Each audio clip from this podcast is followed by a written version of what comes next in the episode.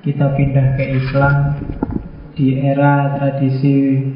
Kalau dulu sudah peripatetik kita akan lanjutkan ke tradisi iluminasi. Jadi minggu depan kita masuk Islam lagi. Jadi kita bolak-balik bolak-balik ya nanti biar tidak bosan timur barat timur barat.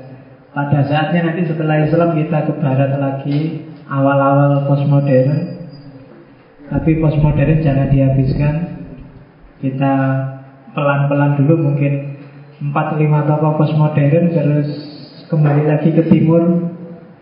Mungkin belum belum filsafat Islam yang kontemporer tapi ke ke timur mungkin kita ke Cina atau ke India. Kita lihat ada pemikiran-pemikiran apa di timur di luar yang Islam setelah itu balik lagi ke barat yang kontemporer dan kita tutup dengan Islam yang kontemporer baru setelah itu kita ngomong tema, tidak lagi ngomong sejarah. Dan mesti masih sangat panjang kita masih ada filsafat ilmu, ada filsafat bahasa, ada filsafat ketuhanan, ada filsafat panjang. Jadi sampai kamu punya anak tiga masih ada ngajinya Ya. Jadi adik kelasmu yang nanti yang melanjutkan. kamu tinggal nyari rekamannya aja mungkin sampai aku jenggotan nanti betul. Kita masih ngaji ya, ngaji filsafat. Kita sudah 50 sesi lebih. Yang jelas saya nggak tahu ya, mungkin kamu sudah merasa ngerti dikit-dikit filsafat. Pokoknya jangan merasa ngerti dulu ya. Kalau sudah merasa ngerti dulu biasanya terus mandek. Apalagi enggak ya merasa sudah wah filsafat itu kecil, nah itu apalagi. Kalau sudah kayak gitu biasanya mandek. Bangga apalagi sombong itu biasanya ciri-ciri terus kita tidak jalan lagi sudah sudah merasa puas dengan kondisi saat itu hari ini. Jadi hati-hati menata niat dan menata hatinya. Dalam hal apa pun sebenarnya. Jadi di samping Allah paling tidak suka dengan orang yang merasa besar, merasa ngerti juga itu tanda-tanda bahwa kalian tidak akan berkembang lagi sudah.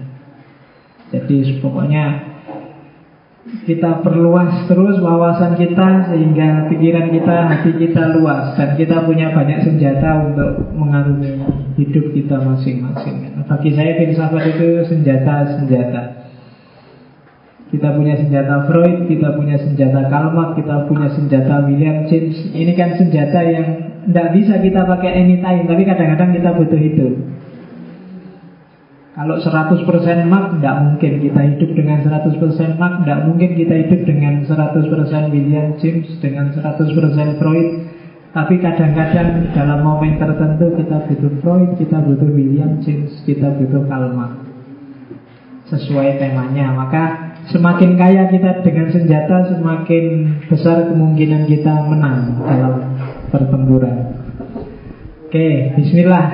Kita ketemu tokoh besar yang sangat berpengaruh.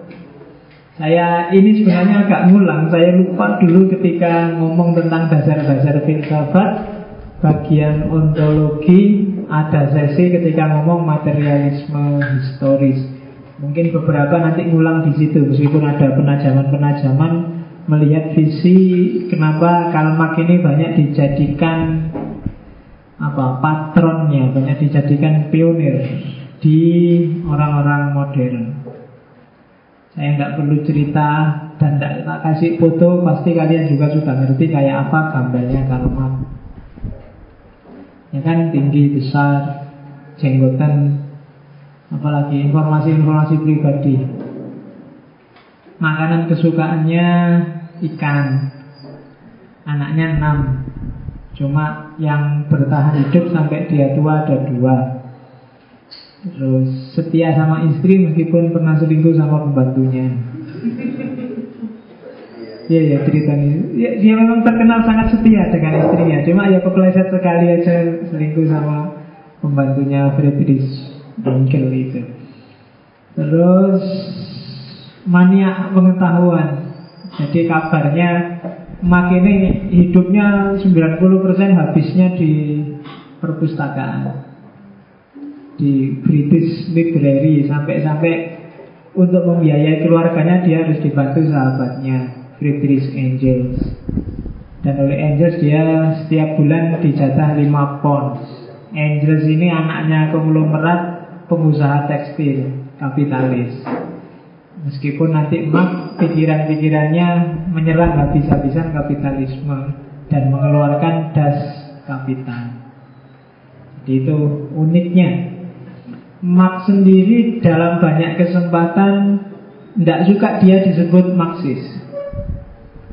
Dia pernah satu ketika ikut semacam seminar internasional para ilmuwan, para filsuf bahas pikiran-pikirannya. Terus dia keluar dari ruangan. Ditanya, lu kok sampai keluar? Itu kan bahas pikiran-pikiran sampean. Lu kalau kalau yang kayak gitu disebut Marxis, saya berarti bukan Marxis. Jadi itu mah dia sendiri nggak ngakui kalau dirinya Marxis. Sakit-sakitan, saya tidak tahu ya baca sejarah filsafat itu kebanyakan para filsuf itu punya penyakit macam-macam sakit-sakitan mungkin karena saking asiknya mikir saking cintanya sama pengetahuan jadi tubuhnya sendiri dicuekin sehingga punya banyak penyakit. Terus apa lagi ya? Yang secara pribadi ya dia jenggotnya panjang tebal khas orang Eropa. Karena kejantanan zaman dulu kan itu lambangnya. Kalau laki-laki sejati itu ya harus punya brewok. Tidak ada urusan Arab dan tidak Arab, pokoknya itu jantan. Makanya bintang film zaman dulu kan banyak punya kumis, punya brewok. Kebalikannya hari ini. Jadi hari ini kan kalau punya brewok dianggap kumuh kan dianggap ah tidak itu seorang orang nah itu enggak. Kalau dulu ya jantan itu ya punya kumis lah, punya masa cowok nggak punya kumis, nggak punya jenggot, nggak ngerokok, nggak ngopi, nggak pas. Oke, nah cowoknya mana terus? Sekarang apalagi yang cowok-cowok pakai make up itu. Cowok itu ya is mambu kecil sidik-sidik serapopo lanang kok. Iya. Oke, sekarang kan yang diidolai sekarang kan Eropa apa? Korea, Korea. Iya, padahal Korea itu tidak ada bedanya cowok sama cewek. Ya coba lihat bintang film Korea itu ada. Yang cowok-cowok itu cantik-cantik malah. Tidak cakep, cantik. Oke, jadi kalau Kalma, oh dia salafi sejati. Jenggotnya panjang. Oke, bismillah ya. Apa sih yang dilihat oleh Kalmak Eropa pertengahan abad 19 ya. Isinya chaos kacau. Mengiringi runtuhnya feudalisme. Feudalisme itu pemerintahan oleh kelompok elit yang disebut bangsawan. Biasanya sistem politiknya monarki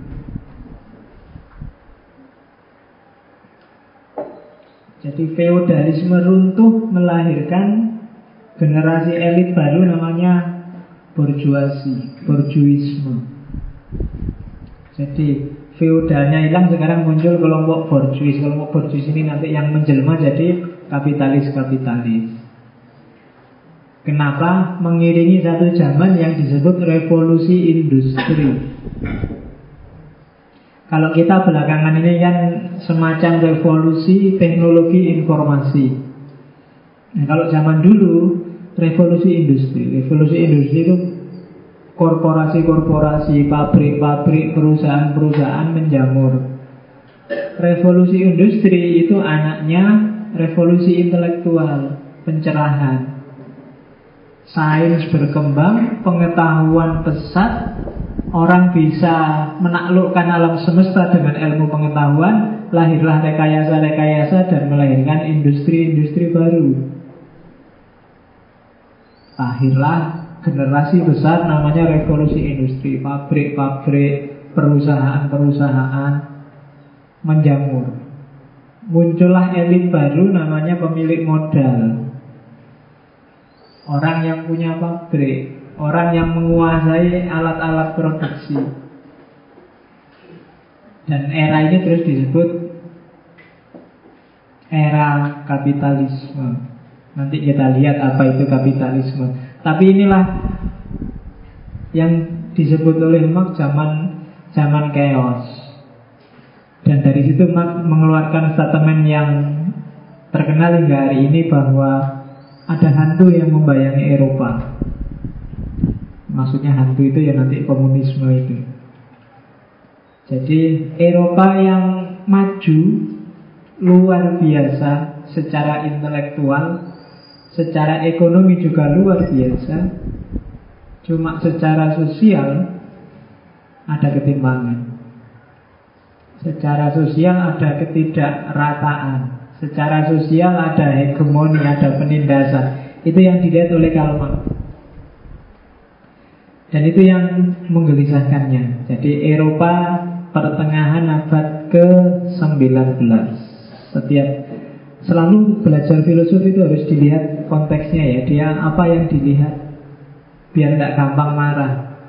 Biar kamu ngerti Oh salahnya itu ya pantas pikirannya kayak gitu.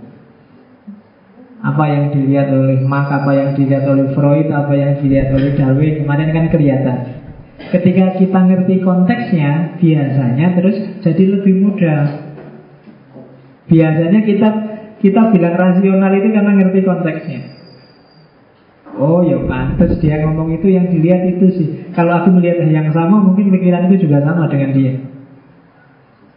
Jadi orang sering debat itu sering-sering karena kehilangan konteks. Oke. Ah, basis filosofinya Mak itu sebenarnya kalau dicermati ada tiga. Yang pertama kebebasan dan kreativitas, yang kedua kesetaraan dan yang ketiga kritiknya terhadap kapitalisme. Kalau ini titik pijak pemikirannya. Kebebasan itu dasar hampir semua pemikir filosof modern. Semuanya menyarankan bebas. Hidup kita ini bebas, baik bebas dari maupun bebas untuk. Bebas dari itu berarti dari yang mengikat kita Kalau bebas untuk, bebas mau ngapain Indonesia ini orang-orangnya mungkin sangat pinter kalau disuruh bebas dari Tapi kalau sudah bebas untuk, kamu bingung biasanya Bebas dari bayar SPP, bebas dari Bebas itu gampang menurut saya. Begitu, terus kalau sudah bebas mau ngapain, itu bingung. Untuk biar kalau sudah bebas ngerti mau ngapain Harus ada kreativitas. Bebas tapi tidak kenal kreativitas Biasanya kita tidak bisa bebas yang freedom for. Bebas untuk apa terusan Kalau tiba-tiba kalian tak bilang Deh ya Ayo saya manut Minggu depan temanya apa? Kamu pasti paten gerunung Apa ya? Nggak jelas Kenapa? Kalian nggak punya wawasan sehingga nggak bisa Aku mau ngapain itu nggak ngerti juga. Bebas untuknya kalian nggak ngerti. Terus manut lah pokoknya suka-suka lagi keahlian kita itu Musuh manut. Tapi begitu nggak enak Terus pingin bebas Freedom from Pingin berontak. Lo kemarin disuruh usul nggak mau Begitu diatur terus sekarang berontak Nah itu berarti bebas tapi tidak kreatif Jadi setiap individu Itu hakikat dirinya itu bebas Nggak ada orang yang tak bebas, apalagi pemikiran. Nggak ada pemikiran yang tidak bebas. Setiap orang bebas mikir, bebas kreatif. Itu basis yang pertama. Maka semua sistem yang mengekang kebebasan itu sistem yang harus dihancurkan karena pasti nggak manusiawi. Kenapa nggak manusiawi? Karena ternyata hakikatnya manusia itu bebas. Orang boleh ikut orang lain, orang boleh tunduk, tapi harus pilihannya sendiri, bukan karena paksaan. Itu ada bedanya. Minum karena dipaksa dengan minum pilihannya sendiri, ya nilainya beda. Ini pilihanku sendiri jadi enak. Tapi kalau dipaksa, aku sudah minum, ayo pak minum. Awas kalau nggak minum, itu nggak enak. Sama-sama enak. Rasanya nggak berubah, tapi ketika dasarnya kebebasan dengan dasarnya keterpaksaan itu beda. Oke, Nggak usah, contohnya banyak, nggak usah ditambah lagi. Yang kedua kesetaraan, equality. Hampir semua filosof Barat juga pro dengan kesetaraan, egalitarianisme. Kita semua itu sama kok dalam posisi Cuma seandainya ada beda itu bukan posisinya tapi fungsinya. Malam ini di sini aku yang ngomong. Mungkin next time tiba-tiba saya dipindah ke Amerika maupun Inggris nggak bisa ngaji filsafat tuh. Nah, mungkin salah satu di antara kalian nanti yang melanjutkan. Itu namanya berarti apa? Aku di sini tidak ada hubungan sama posisi cuma fungsinya aja. Fungsiku hari ini ngasih tahu dengan apa yang aku tahu tentang filsafat dan kamu berposisi sebagai pendengar. Besok mungkin ganti fungsi, mungkin kamu pulang kampung, nah, selesainya kan sudah ada rekamannya ada, tinggal kamu ulang di kampung kamu bikin ngaji filsafat yang baru, tidak apa-apa. Kamu memainkan fungsiku. Jadi tidak ada posisi, yang ada fungsi itu setiap orang setara. Aku ngomong di sini itu dulunya aku juga duduknya di tempatmu situ. Mungkin guru-guruku dulu yang ada di sini. Jadi sekarang aku memainkan fungsi yang berbeda. Itu kita setara. Ya kamu sama orang tuamu kan juga gitu. Kamu memerankan fungsi sebagai anak, orang tuamu sebagai bapak dan ibu kan gitu. Apakah ada yang lebih tinggi, ada yang lebih rendah? Tidak ada.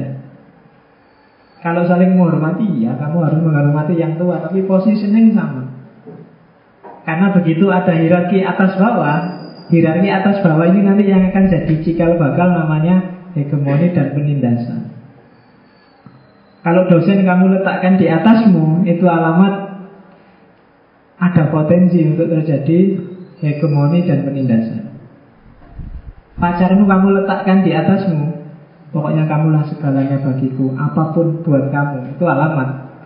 Akan terjadi hegemoni dan penindasan. Kamu akan diatur, ditindas Meskipun kamu senang Tapi itu relasi yang tidak manusiawi. Itu kan kalau tauhid Orang nggak boleh atas bawah. Karena setiap makhluk itu sejajar Di atas makhluk hanya kholik Itu kan tauhid. Jadi tauhid itu asumsinya egalitarian sebenarnya tidak ada atas bawah di kalangan makhluk. Dan asumsi yang ketiga itu kritik kapitalisme. Nanti kita lihat. Yo, karena di kapitalisme ada eksploitasi, manipulasi, hegemoni, dan seterusnya.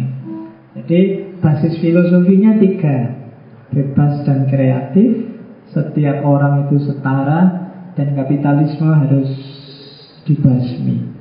Dari sini nanti melahirkan filsafat yang sangat terkenal yaitu Marxisme.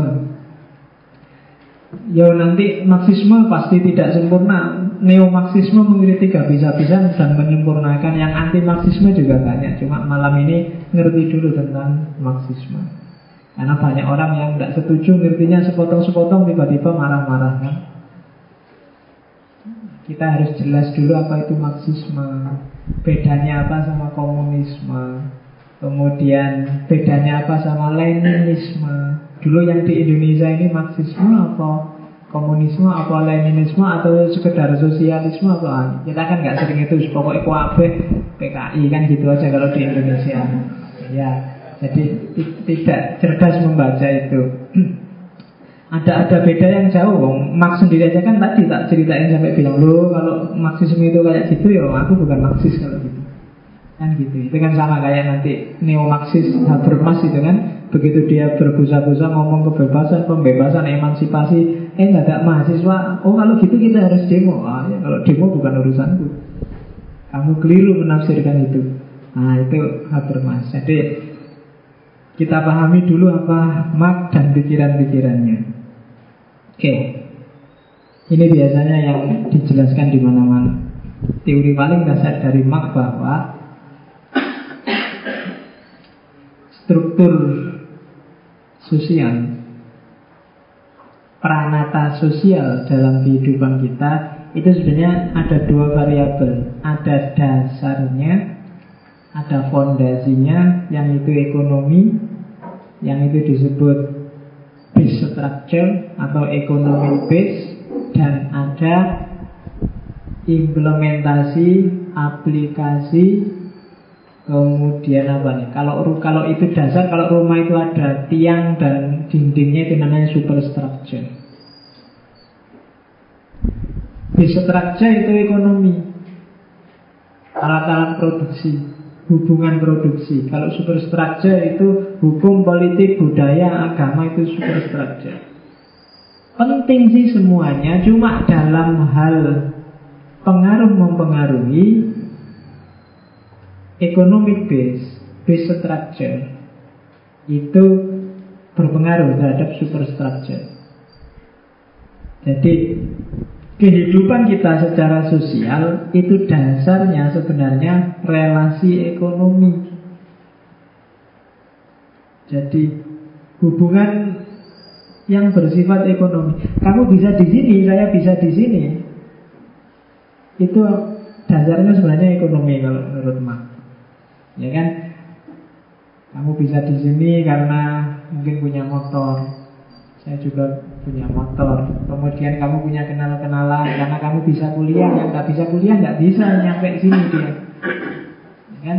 Kamu bisa nyampe sini juga karena ya mungkin kamu sempat baca-baca filsafat Yang tidak ngerti filsafat yang di kampung-kampung juga tidak akan mungkin nyampe sini Kamu relasinya sebenarnya diawali dari ekonomi. Apalagi hukum juga awalnya juga relasi-relasi ekonomi. Sosial, agama juga sering-sering gitu kan? Siapa yang jadi kiai Gimana posisinya kiai terhadap umatnya Gimana posisinya pendeta Itu sebenarnya semuanya relasi ekonomi. Nanti, nanti kita lihat gimana berpengaruhnya Economic base Itu kan tiap hari kita bilang UUD itu kan. Ternyata ya Ujung-ujungnya ya duit. Kalau nggak ada duitnya Kamu anggap teh ini apa kalau bukan? Bu anggap teh itu gratis gitu Kamu berdoa turun dari langit Tidak, itu ada ekonomi juga. Faktor ekonomi terlibat. Ya kan? Ruangan ini, AC ini, LCD, laptop, powerpoint oh, Itu semua relasi-relasi ekonomi. Jadi Tidak, ekonomi dasarnya kalau katanya mah Ada chaos, ada kacau tadi Ada revolusi menurunkan kalangan feodal ada sebenarnya dasarnya sama ekonomi. Kamu lihat kita lihat DPR kemarin tawuran sampai banting meja. Itu kalau kamu tarik-tarik akhirnya ke mana? Ekonomi. Ditarik ke bawah ini sini ekonomi. Jokowi belusuan harus tarikin aja kamu tarik ke sini ke sini nanti ketemunya masih juga ekonomi. Kamu kasih contoh apa pun nanti ujungnya juga ekonomi. Apalagi kasus Tesi ditangkap polisi narkoba. Coba kamu tarik, kenapa ya Tesi narkoba dan itu? Mungkin karena sudah mulai nggak laku, kemarin terkenal, terus akhirnya cari pelampiasan. Nggak laku itu kan urusan ekonomi. Dia tersisihkan di industri hiburan hari ini yang dengan ada ekonomi lagi, ada relasi ekonomi. Sampai hari ini yang grupnya KIH sama grupnya KMP nggak selesai-selesai tawuran, itu kalau kamu tarik-tarik, oh iya, sebenarnya urusannya ekonomi. Laki-laki ekonomi. Oke, cita-citanya manusia hari ini itu kan cita-cita paling tinggi sebenarnya kaya. Ya kan? Jabatan itu kan jembatan untuk memperoleh kekayaan orang jabat makanya banyak pejabat yang korupsi itu kan karena cita-cita tertingginya itu kekayaan dan untuk bisa untuk bisa dapat jabatan kamu harus punya pendidikan tinggi jadi kalau di ranking pendidikan terus jabatan terus kekayaan. Itu modus berpikirnya orang hari ini. Berarti apa? Yang paling penting ternyata kekayaan. Kalau kamu tak tak tanya satu-satu ya Kegelisahanmu apa sih jadi mahasiswa hari ini? Itu sebagian besar sih yang kamu pikir Besok saya jadi apa ya pak? Ya kan aku saya sudah kuliah ini Pak S2, S3 terus kira-kira besok kalau ada lowongan dosen saya bisa masuk nggak Pak ya? ya kan ujungnya mesti ke sana. Kawin pun bu, mas sudah pacaran lama kok nggak kawin-kawin. Mau sih Pak kawin tapi tak kasih makan apa ya Pak? Kan, ekonomi yang kamu bahas tiap hari. Ya, nggak berani kan kamu ala ikhlas saja Allah sudah ngatur rezekinya. berani ya. Pertimbangannya selalu ekonomi. Banyak hal yang hari ini bikin galau di kepalamu itu sumbernya ekonomi dan nanti akhirnya juga solusinya adalah ekonomi juga duit. Silakan kamu rinci ya nanti pulang nih kamar tulisin satu-satu problemmu.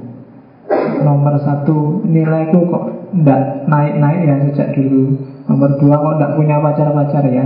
Nomor tiga aku kok gampang sakit ya. Misalnya, misalnya nomor siji nilainya nggak naik-naik. Ini kan aku jarang beli buku sih. Wah beli buku butuh duit ini. Wah ini jarang nggak. Itu kan aku nggak punya pacar ya. Wah ini mesti kurang gaul ini Untuk bisa gaul perlu HP baru, laptop baru Perlu as duit lagi Aku kok gampang sakit ya Kamu makannya dengan keringan terus Ya waduh. Lo ya kan solusinya sederhana Duit lagi. Ujungnya nanti Dan itu yang dilihat oleh Iman Bulat seperti apa ya Akhirnya duit. Ya kan Ada problem apa pun ya duit. Jadi di structure kehidupan kita dasarnya ternyata ekonomi. Kalau ekonomi beres, itu apa pun beres biasanya. Kalau ekonominya nggak beres, oh itu biasanya mengimbas ke yang lain. Oke, kita lanjutkan. Jadi ini ini sebenarnya teori dasar bahwa bahkan yang namanya negara kalau di mana kekuasaan itu sebenarnya dilahirkan oleh orang yang menguasai modal, orang yang menguasai ekonomi untuk melindungi hak-hak mereka. Adanya negara kan melindungi biar orang kaya haknya nggak diambil orang-orang yang miskin. Kemudian diatur gimana caranya kan gitu. Jadi katanya Mark Simple, kita nggak perlu analisis daki-daki nyari filsafat lah, nyari teori apa lah, hermeneutik lah, apa nggak penting. Mana duitnya enggak. Kalau ada uangnya beres, ya kan? Kan banyak orang bilang dengan pura-pura bahwa no, uang itu tidak nomor satu, nggak bisa. Kamu boleh nggak menomor satukan uang, tapi ya di setiap nomor kamu butuh uang.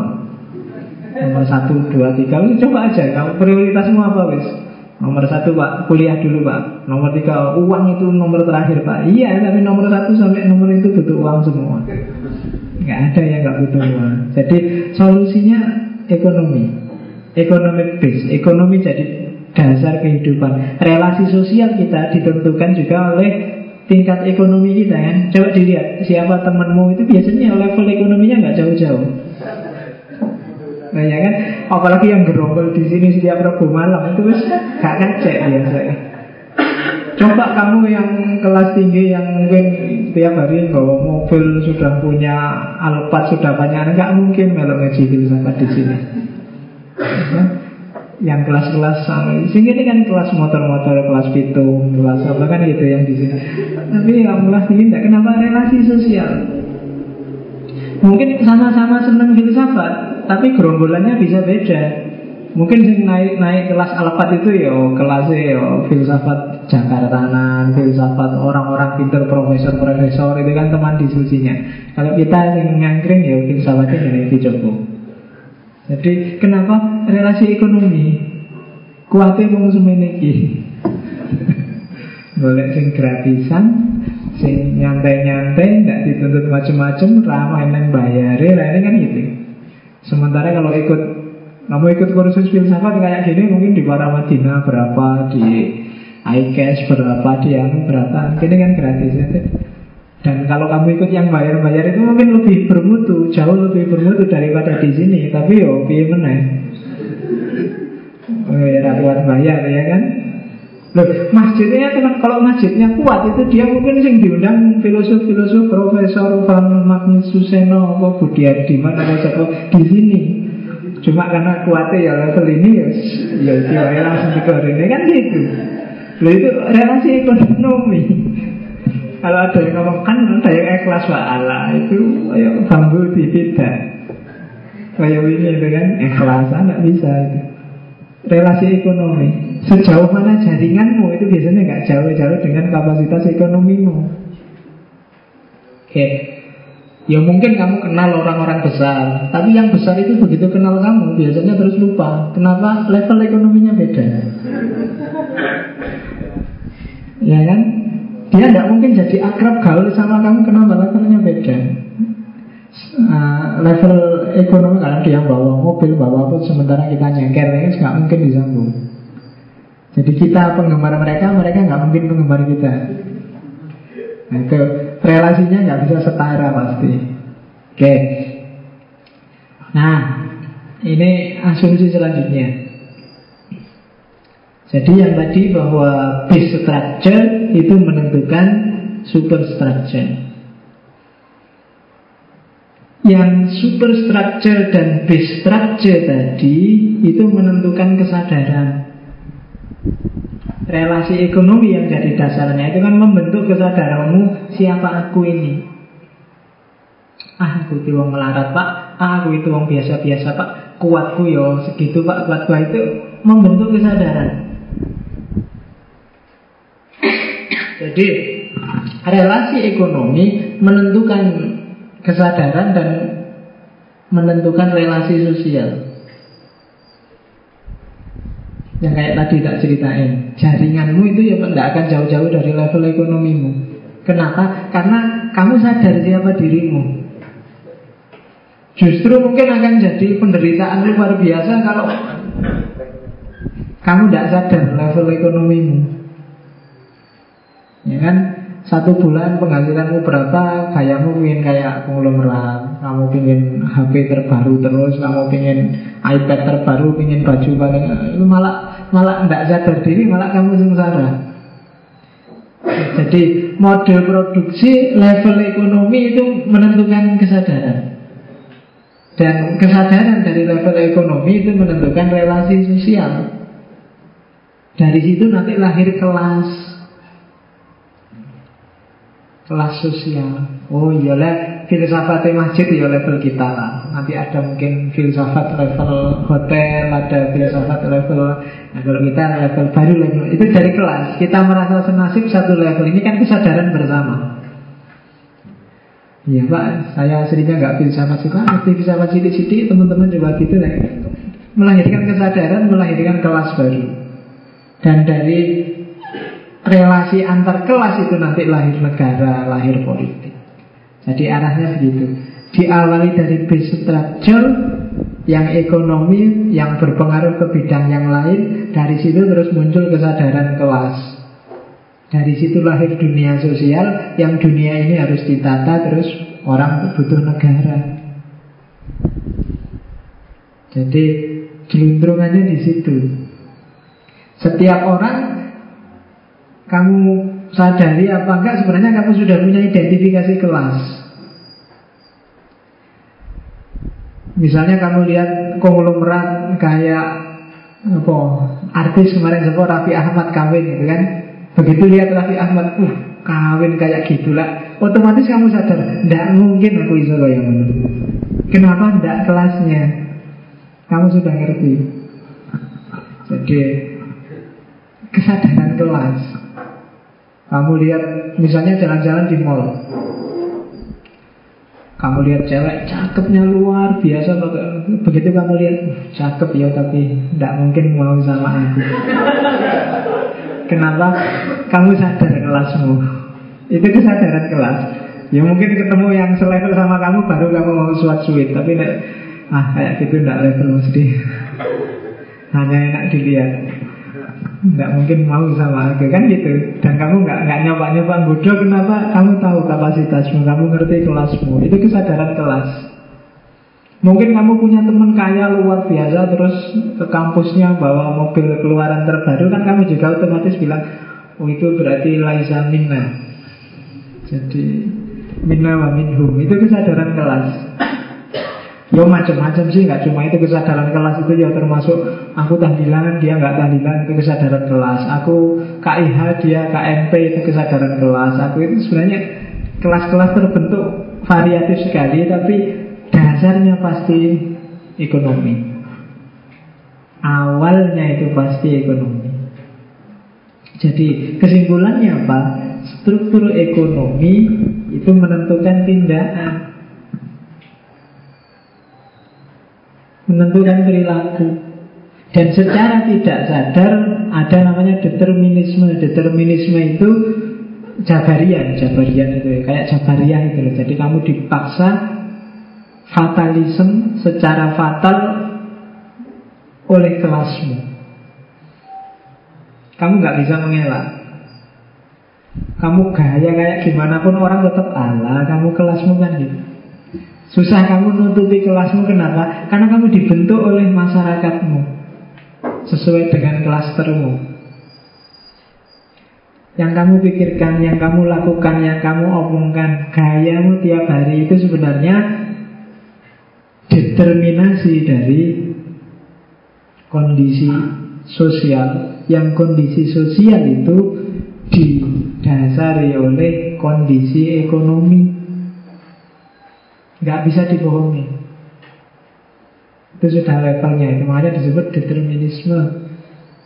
Jadi yang menentukan kalau di Islam kan ada Jabariyah Jabariyah itu deterministik Tapi yang menentukan Allah nah, Ini determinisme ekonomi Jadi kondisi ekonomi menentukan perilaku sosial Dan perilaku sosial akan mencetak jadi orang seperti apa kita Nah itu mak. Jadi namanya determinisme sosial. Yang bikin kamu kayak gitu itu sebenarnya dunia sosial. Ada yang pemalu, ada yang pemarah, ada yang minder, ada yang optimis. Itu sebenarnya yang mencetak dunia sekelilingmu. Kamu nggak sadar aja. Kamu merasa ini aja yang benar. Ya enggak, ya marah kan Pak. Hidup itu harus tegas. Kalau nggak marah, kelemak, kelemak nggak seru. Ini sebenarnya kamu dilahirkan oleh lingkungan sosial. Ada yang lain, enggak apa hidup itu harus lembut, lentur, jangan ngamukan, jangan. Itu juga lingkungan sosialmu yang melahirkan kamu seperti itu. Jadi ada ekonomisme yang jadi dasar dari ekonomi lahir perilaku sosial dan perilaku sosial itu nanti yang mendetermin, yang mendeterminasi perilaku kita sehari-hari. Itu teorinya Kalma. Oke, kita lihat. Berarti kesimpulannya, ini agak ke belakang, kalau ekonomi jadi dasarnya, yang namanya ekonomi itu kan materi.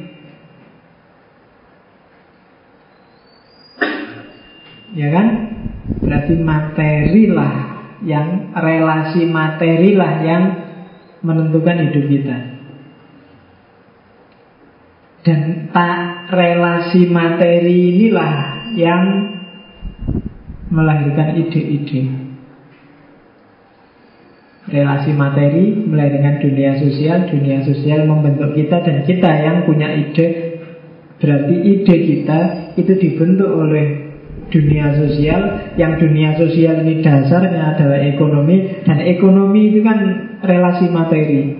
Siapa yang punya modal Siapa yang menguasai apa Kan gitu. Itu relasi materi.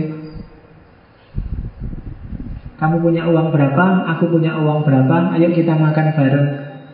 Uangku lebih banyak berarti aku milih dulu ya. Kamu milih belakangan mau uangmu lebih sedikit. Itu kan relasi materi namanya Yang ada di sini kan kamu beli tiket aja Nonton bal-balan ada yang kelas VIP, ada yang kelas tribun, ada yang kelas bobol tembok, ada yang kelas Ya kan? Lo itu kan nikmatnya beda-beda. Yang kelas VIP bisa kipas-kipas sampai yang kelas tribun harus jinjit-jinjit baru kelihatan. Yang kelas bobol tembok lari-lari dikejar polisi. Nikmatnya beda. Ada relasi materi di situ. Yang relasi materi itu kan bentuknya ekonomi. Oke. Okay. Ya yang PSIS sama PSS baru di Spurs itu ya. Ternyata benar teori selama ini memang orang Jawa Tengah dan Jogja itu tidak bisa main sepak bola. hatinya terlalu lembut untuk menyakiti yang lain. Jadi ya kan sangat ramah jadi malah musuhnya digolkan kasihan jauh-jauh tak kasih gol. Yang satu anda ah, enak aku dikasih gol tak golin lagi. Dan, nah itu komdisnya nggak paham itu psikologinya orang Jawa itu. Jadi terus dikasih sanksi. Yang bal-balan orang Jawa memang gitu. Jadi tidak saling mengalahkan. Sama-sama ngalah karena orang Jawa ngertinya ngalah itu dhuwur nih. Jadi barang siapa ngalah derajatnya tinggi jadi bal-balan saling ngalah itu hanya ada di sini komdisnya nggak ngerti itu ya terus disekorus oke jadi relasi materi menentukan termasuk pembentukan ide jadi kalau di Mak kebalik, bukan ide terus melahirkan realitas sosial. Kebalikannya, realitas sosial lah yang melahirkan ide. Relasi materi-materi ini loh yang melahirkan ide. Kan? Misalnya, oh ini masjidnya tidak enak dipakai ya Atau ruangannya kan terus muncul ide baru lagi Jadi realitas sosial yang memancing ide Bukan kebalikannya Modelnya berarti induktif. Dan realitas sosial itu ya berarti realitas ekonomi. Realitas ekonomi itu berarti relasi antar materi. Itu yang ada di pikirannya Marx. Makanya terus disebut materialisme historis. Karena sejarah itu sebenarnya Relasi antar materi dalam hidupnya manusia. Siapa punya apa Terus punya apa itu dipakai untuk apa Itu aja isinya sejarah. Menguasai apa kan gitu uh, Islam menguasai sepertiga dunia. Romawi menguasai Dia menguasainya dengan otoriter. Dia menguasai. Sejarah itu selalu tarian-tarian materi. Siapa punya apa, memiliki apa, untuk apa. Sehingga disebut materialisme historis, materialisme dialektis. Jadi sampai di sini mulai ngerti kan? Dasarnya mak berarti ada materi, ada ekonomi. Yang ekonomi ini jadi dasar bagi semua perilaku sosialnya manusia. Satu lagi yang jadi dasarnya Marxisme dialektika. Jadi dialektika ya kita semua ngerti lah tesis, antitesis, sintesis. Ya contohnya itu kapitalisme Kemudian muncul antitesisnya Krisis kapitalisme melahirkan sosialisme. Kayak ngaji filsafat ini bagi saya sintesis. Jadi ada ngaji kitab kuning kayak di pondok-pondok itu Itu ngaji yang asli Tapi terus muncul antitesisnya. Ngaji kayak gitu kok membosankan ya Pak? Ngaji kayak gitu itu kan antitesisnya. Dari situ saya pingin banget Pak tetap ngaji tapi yang tidak bosan nih Pak tetap ngaji tapi ya terus muncullah sintesis ya wis formatnya ngaji tapi sini filsafat ya kan itu namanya sintesis formatnya ngaji tapi isinya Jawa ya formatnya ngaji tapi isinya kan itu itu sintesis dan sintesis itu akan lahir kalau ada antitesis. Dalam dunia sosial, antitesis itu berarti apa? Ada konflik. Makanya Marx dikenal sebagai orang yang mengedepankan teori konflik sosial. Jadi dunia sosial itu kalau ingin maju harus ada konflik. Jangan tentrem, kemudian harmonis, kemudian selesai. Tidak, harus ada konflik. Ketika ada konflik, kreativitas lahir.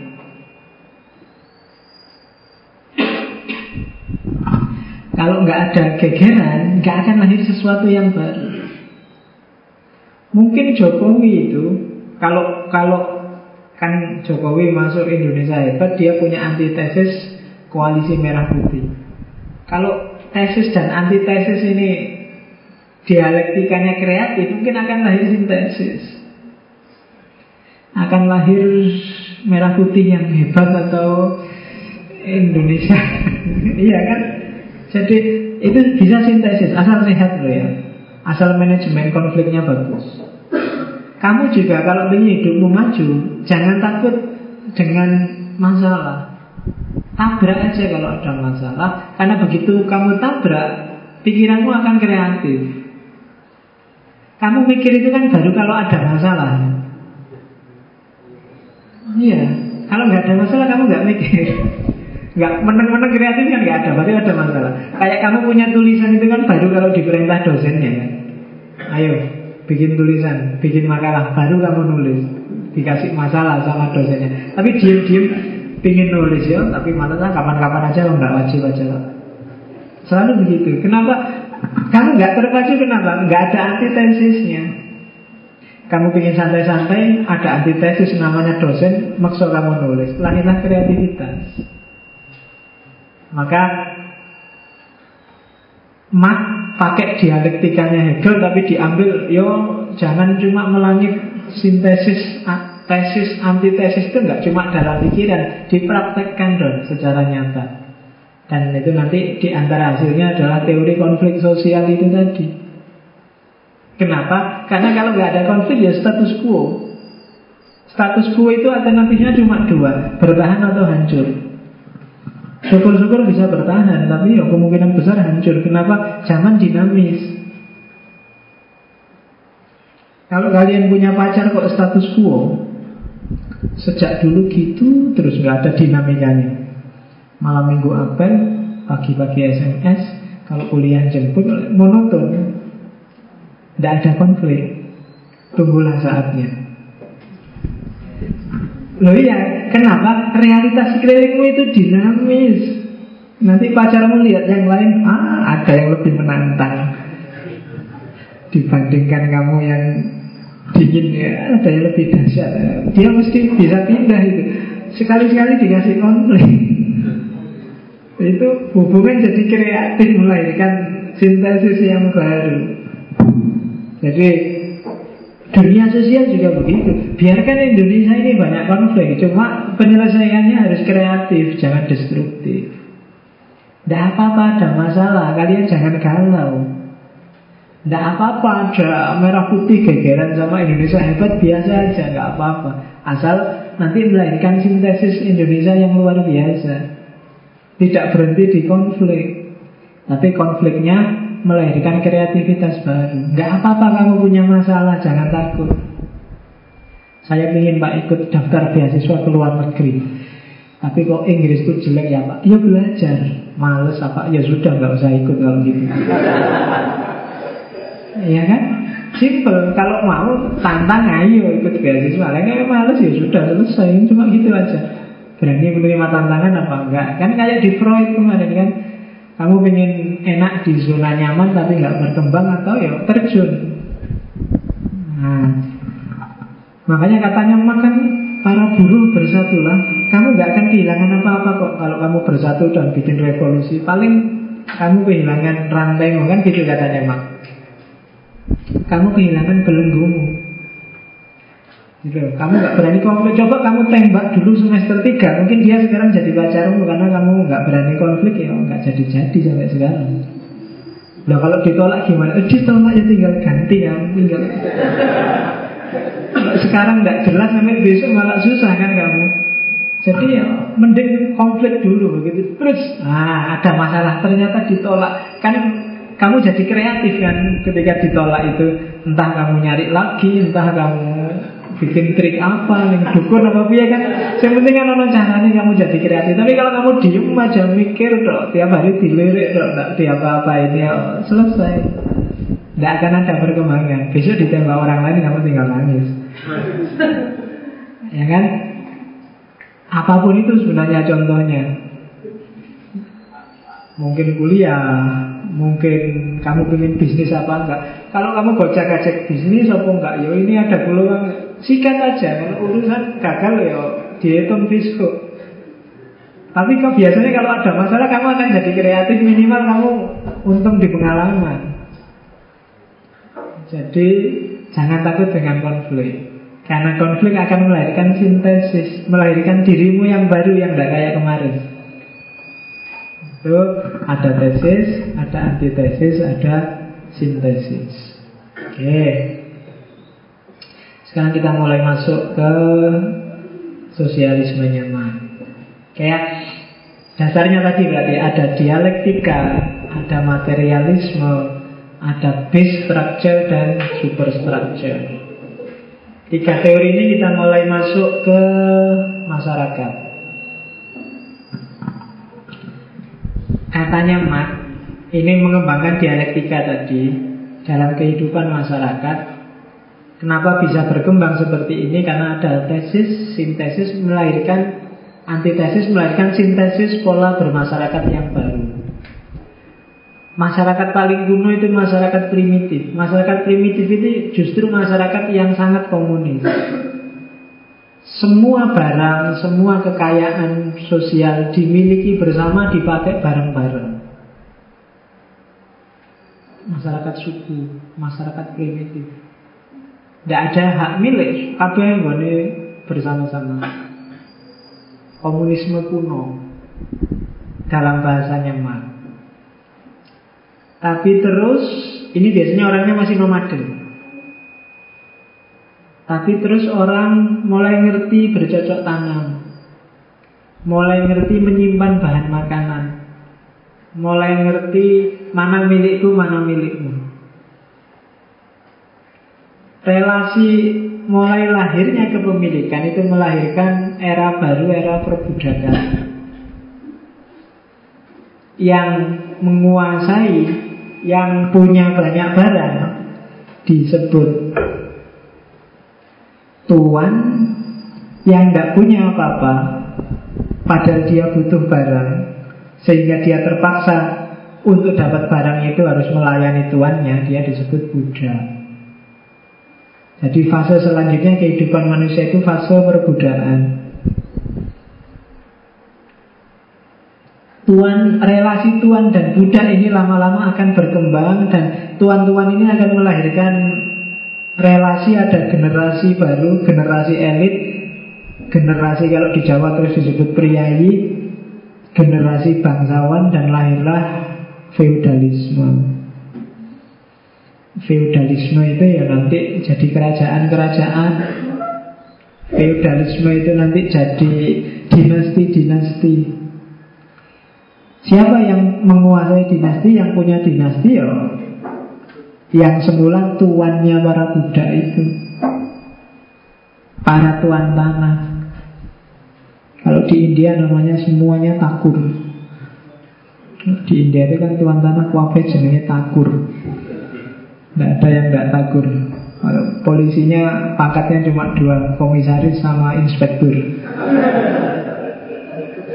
Iya Ya nggak ada. Kamu cari pangkatnya polisi India selain komisaris sama inspektur nggak ada. Mesti kalau nggak inspektur ya komisaris.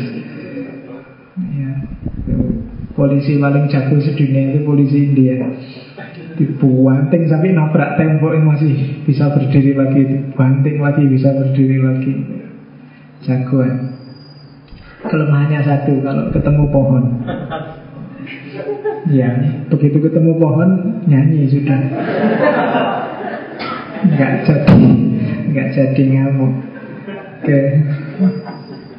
Terus kan biasanya gitu ngomongin dia Indianan itu oke feudalisme melahirkan dinasti-dinasti melahirkan kerajaan-kerajaan.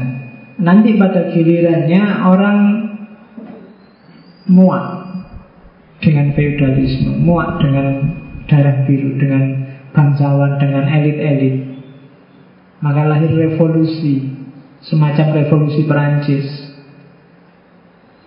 Kerajaan-kerajaan kehilangan nilainya. Orang tidak respect lagi dengan model kerajaan Model feudalisme yang melanjutkan perbudakan Maka feudalisme dihancurkan Lahirlah borjuasi Kapitalisme Sistem sosial feodal bisa hancur Tapi kepemilikan tetap tidak bisa hancur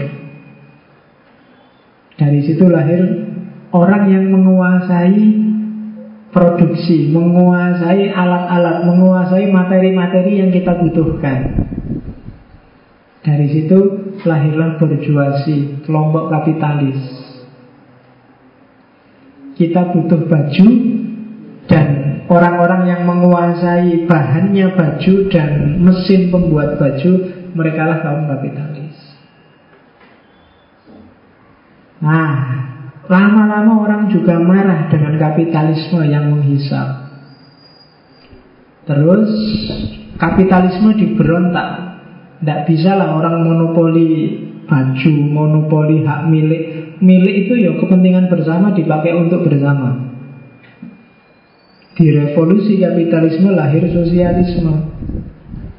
Sosialisme itu ya kehidupan bersama, ada negara yang ngatur dan negara yang mendistribusi tapi secara adil. Negara ini jadi alatnya. Sosialisme lama-lama akan berakhir di komunisme Ketika orang semuanya sadar bahwa ini hidup ini bersama-sama Sama rasa, sama rata Sudahlah, semua jadi milik bersama Semua untuk kepentingan bersama. Tidak usah. Negara-negara juga tidak penting Negara nanti akhirnya juga menghegemoni Di situ lahirlah mimpi namanya komunisme. Berarti apa? Model sosial yang balik lagi ke zaman primitif. Justru itu yang diimpikan oleh Kalma. Ketika orang tanpa kelas, tanpa kepemilikan, pokoknya urip bareng-bareng saya seneng-seneng adanya teh ya ayo diminum teh, adanya air putih ya ayo diminum air putih. Yang penting jangan ada yang curang. Jangan ada yang menguasai teh yang lain dikasih air putih. Jangan ada yang itu komunis. Ya, meskipun nanti diterjemahkan secara vulgar oleh Lenin, diaplikasikan oleh Stalin dan seterusnya dan melahirkan partai-partai komunis. Orientasinya sudah agak beda dengan yang diteorikan oleh Marx. Jadi masyarakat katanya Marx akan berkembang seperti ini. Pasti, iya pasti katanya Marx. Oleh karena itu ajarannya disebut determinisme Pasti wis pokoknya. Apa ya sih orang itu dipengaruhi oleh ekonomi? Iya, pasti. Semuanya pasti kalau di Karena dia melihat memang kayak gitu fitrahnya manusia. Itu fase perkembangan masyarakat. Nah, ini yang saya harus pelan-pelan menjelaskannya. Kalau yang awal tadi dulu sudah. Alienasi. Keterasingan. Ini nanti yang melahirkan revolusi-revolusi itu kesadaran manusia akan alienasi. Marx diinspirasi oleh Feuerbach, filosof eksistensialis. Saya enggak, kemarin mungkin kita belum sempat ngomong Feuerbach, tapi Feuerbach eksistensialis awal yang ateis. Ini nanti dilanjutin oleh Marx. Tesisnya Feuerbach, untung ya ngajinya di sini. Kalau di masjid agak sungkan ngomongnya. Katanya Feuerbach, kita kan yakin bahwa Tuhan yang menciptakan kita. Katanya Feuerbach kebalik, kita yang menciptakan Tuhan itu. Bukan Tuhan yang menciptakan kita. Ya kan? Loh, jelur-jelurnya di mana? Kita lihat katanya Feuerbach. Yang jelas Agama itu proyeksi aja. Proyeksi itu ngerti proyektor ya. Jadi proyeksi itu hanya tampilan, aslinya ada di sini. Itu cuma gambarnya, bayangannya. Jadi agama itu gambaran kita sendiri. Oke. Jadi Tuhan katanya Feuerbach, malaikat, surga, neraka itu kan rekaan kita sendiri Katanya Feuerbach Menjelaskannya agak Kamu tak giat, kita tak jelaskan nanti Jangan-jangan kamu jadi kacau pikirannya nanti Wes gampang-gampangan gini deh Isi kepalamu masing-masing kan punya gambar sendiri-sendiri Tentang Tuhan Tentang surga Tentang neraka itu kan proyeksimu masing-masing. Ya kan? Kalau kamu tak tanya Tuhan itu gambarannya kayak gimana sih? Ngomongnya kamu susah, tapi di kepalamu ada gambarnya mesti. Meskipun sekarang gambarnya kamu nggak berani ada sosoknya itu nggak berani, todo remeng-remeng iya nggak kayak lah. Kalau dulu kamu kecil mesti tegas gambarnya. Tuhan itu ada di atas sana, tinggi besar, lihat ke bawah, pokoknya kalau ada, gitu kan. Seolah-olah jenggotnya panjang terus wah, rambutnya putih mungkin gitulah. Dulu waktu kecil, tapi sekarang kamu sudah pinter nggak berani gambar Tuhan macam-macam. Tapi kan sosoknya ada. Pokoknya Pak dia maha penyayang, maha pemurah, maha pokoknya segala maha lah Pak. Loh, nah itulah karanganmu sendiri berarti. Katanya Pak. Proyeksimu sendiri. Tuhannya sendiri kayak gimana? Kamu sendiri kan yang mewajibkan. Pokoknya kalau Tuhan itu ya maha penyayang Pak. Kalau Tuhan itu ya maha pemurah Pak. Itu bikinanmu sendiri lahir dari proyeksi pikiranmu sendiri. Lo kan ada nabi yang membawa pesan dari Tuhan. Ya kalau menurut saya ya tidak tahu saya pesan dari Tuhan benar apa enggak. Buktinya itu sebenarnya sangat nyambung aja dengan lokalnya. Yang dibawa Isa, yang dibawa Muhammad itu ya sesuai aja dengan kondisi masyarakatnya saat itu. Berarti apa itu proyeksi pikiran? Katanya Fajar Bahlo ya, bukan kataku. ya. Surga, neraka itu kan kayak surga itu ya kalau menurutku gambarnya ya. Mungkin kayak kerajaan-kerajaan di dalamnya apa kayak kamar-kamarnya hotel lah di dalamnya ada kamar-kamar ini jatahnya siapa itu jatahnya siapa. Ada pelayan-pelayannya cakep-cakep lagi pelayannya dia bisa dia. Ini kan itulah proyeksimu. Jadi bukan Tuhan yang menciptakan surga kita yang menciptakan surga akhirnya kan? Proyeksi kita. Tuhan juga proyeksi kita ada yang bilang Tuhan itu maha pemurah pak. Tenang aja kita punya dosa apa pun nanti diampuni. Yang satu Tidak pak. Tuhan itu maha adil pak. Maha teliti. Begitu kita salah sekecil apa pun itu akan ada siksaannya. Jadi kan beda. Sosok Tuhan di kepalaku sangat pemurah Yang di kepalamu sangat ngamuan. Ya sekali-sekali mungkin kalau ada yang mau penelitian kiro-kiro Allah dalam konsepnya FPI itu seperti apa? Dibandingkan dengan Allah dalam konsepnya santri-santri ngaji itu sahabat. Oh itu nanti mungkin sosoknya jadi beda, mesti kontras. Yang satu pokoknya syadidul ikok Allah itu bagian nutuk, bagian ngepruk kalau ada yang salah disikat Allah akan adil Sementara yang ngaji itu sahabat Allah itu Rahman Rahim Pak Telat-telat sidik sholat ya Allah nggak butuh sholat kita Al-Sudah itu itu sekarang. Berarti yang proyeksi kita. Bahkan katanya Verba Manusia kok amat terkesan dengan proyeksinya sendiri. Dan proyeksi itu dianggap ada beneran. Kamu begitu membanggakan konsepnya tentang surga, tentang neraka, tentang Tuhan Seolah-olah itu, ya kayak gitu itu Tuhan beneran Ya kayak gitu itu. Itu gambarmu sendiri sih tadi. Kamu dewa-dewakan sendiri sekarang karena kamu gambarkan Tuhan maha segalanya, maha kuasa, maha perkasa. Akhirnya, wah berarti aku kalah dong sama Tuhan. Terus, wah aku harus nyembah nih Tuhan. Loh itulah awalnya karanganmu sendiri, sekarang kamu sembah-sembah sendiri. Itu katanya Fajar ya. Bahkan manusia, wah ini berarti Tuhan ini maha kuasa. Aku minta aja dikasih, apa aja mesti dia bisa ngasih. Terus kamu berdoa. Loh itulah kamu sendiri yang mengkonsepkan. Tadi kamu mengkonsepkan Tuhan itu maha penyayang dan kamu sendiri yang searah PDW. Kamu konsepkan Tuhan itu maha pemarah dan kamu sendiri yang marah-marah kayak mewakili Tuhan. Nah itulah polamu di WKB katanya Fayerson. Nah kok kamu bingungi sendiri gitu, kamu bikin konsep kayak kamu membayangkan pokoknya ya pacar idealku itu rambutnya panjang, kulitnya putih, kamu bayangkan kayak gitu terus aku jatuh cinta bener dengan tapi lah gambaranmu dewe. Realitas dari Wong itu cuma imajinasimu kan dan sekarang kamu tunduk pokoknya pak saya jatuh cinta bener dengan yang rambutnya panjang, kulitnya putih. Hasilnya nggak ada, itu cuma proyeksi pikiranmu sebelumnya. Oke. Okay. Ah, kalau kayak gini terus gimana Pak? Ketika prosesnya kayak gini Maka manusia jadi terasing dari dirinya sendiri teralienasi.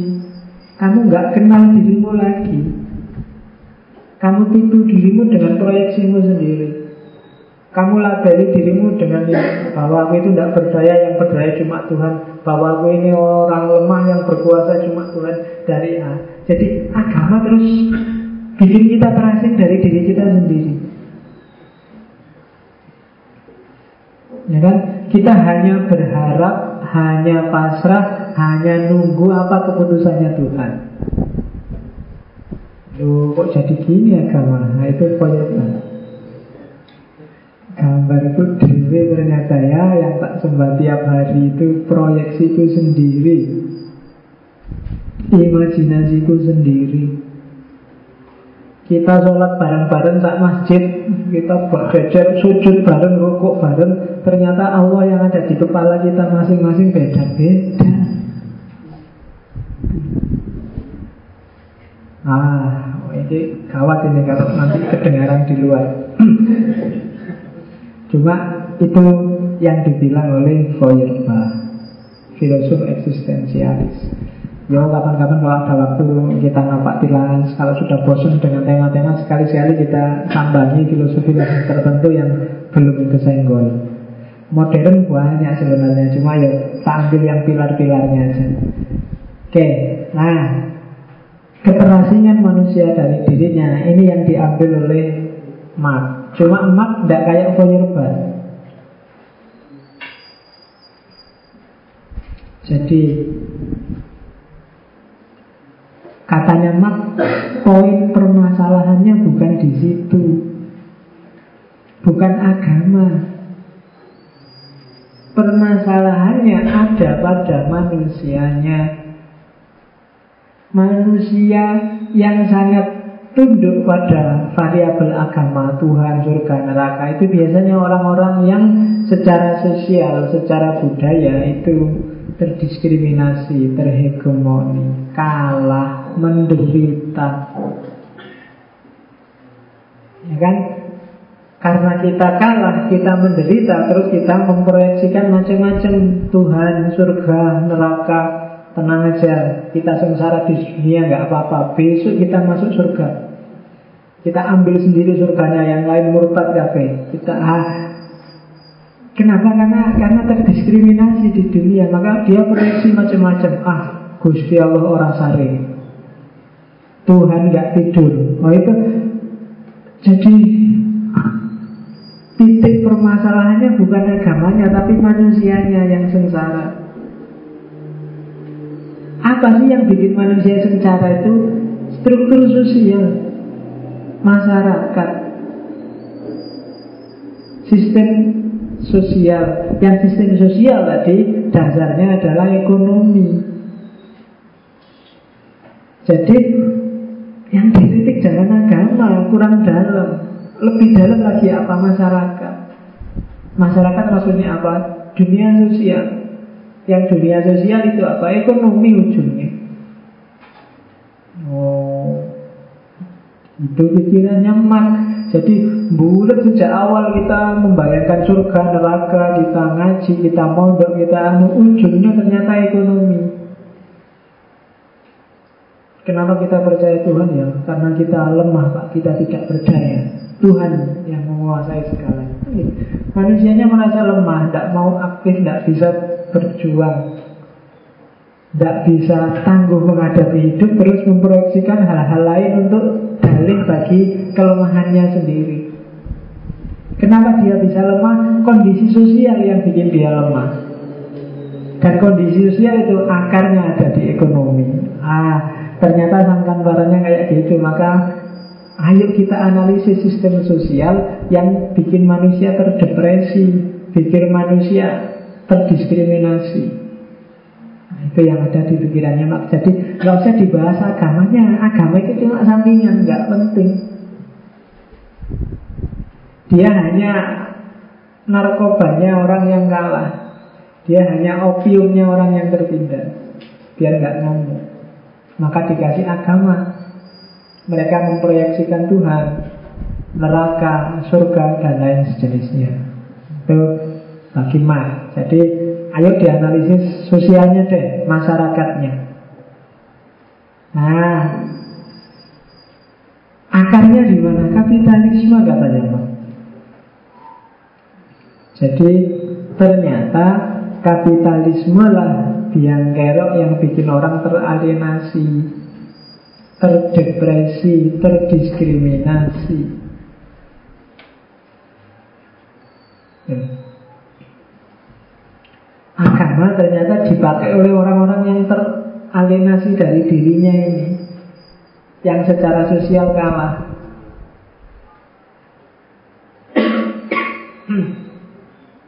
Kita lihat Kayak apa sih kapitalisme yang bikin orang kalah itu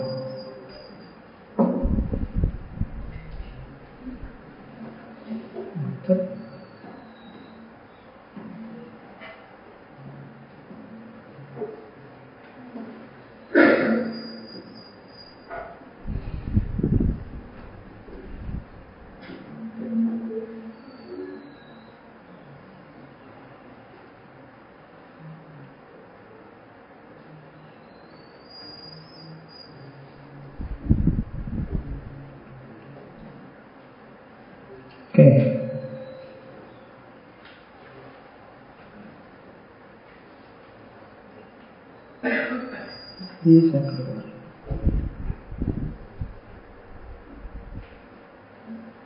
Kan, di sini aja. Mati lagi. Ya, kalau laptopnya sangat canggih ini saya susah. Oke. Okay. Ini keluaran terbaru di pasar nggak ada. Oke okay, ya, kita lihat dan kapital tentang kapitalisme. Ya, zaman dulu ketika Marxisme terus jadi komunisme, Leninisme dan diadopsi di Indonesia melahirkan PKI itu kan melahirkan tragedi yang luar biasa. Ya kalau orang pinter-pinter sih ngerti apa maunya PKI Cuma yang kecil-kecil yang nggak ngerti Dan karena sifatnya revolusioner PKI zaman itu memang sangat agitatif Sangat provokatif. Sehingga mengundang pro dan kontra di Indonesia zaman itu loh ya. Kalau ceritanya bahkan Kalau di Jawa Timur itu PKI itu sering bikin pertunjukan ludruk Judulnya Mati Gusti Allah. Iya. Isinya biasa-biasa Cuma judulnya aja Mati nih Gusti Isinya ya cerita biasa ludruk Ada lagi yang judulnya aneh lagi Gusti Allah mantu. Aneh-aneh kan judulnya. Dan itu provokatif sih Orang pesantren ngamuk nggak karu-karuan itu. Hmm? Sehingga Terus bikin yang tadi sama rata sama rasa berarti semua tanah, semua kekayaan desa, kekayaan kecamatan, kabupaten itu harus dibagi rata untuk seluruh rakyat. Itu kan yang punya tanah jadi ngamuk.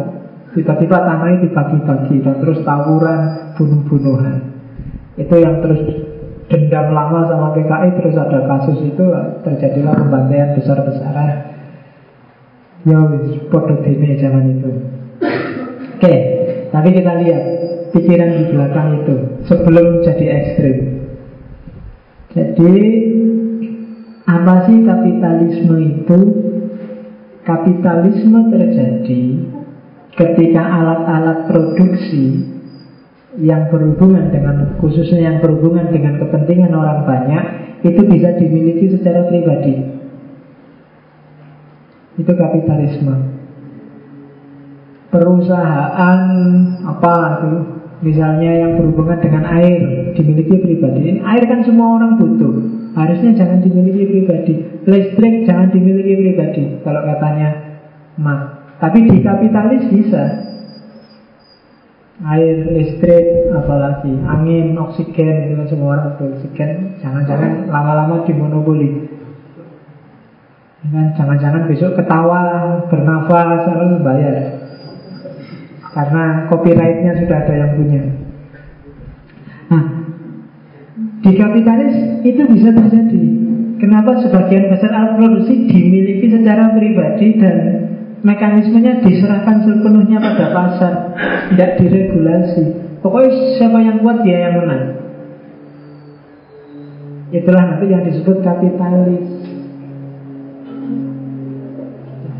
Orang nggak bisa punya akses ke kepentingan bersama.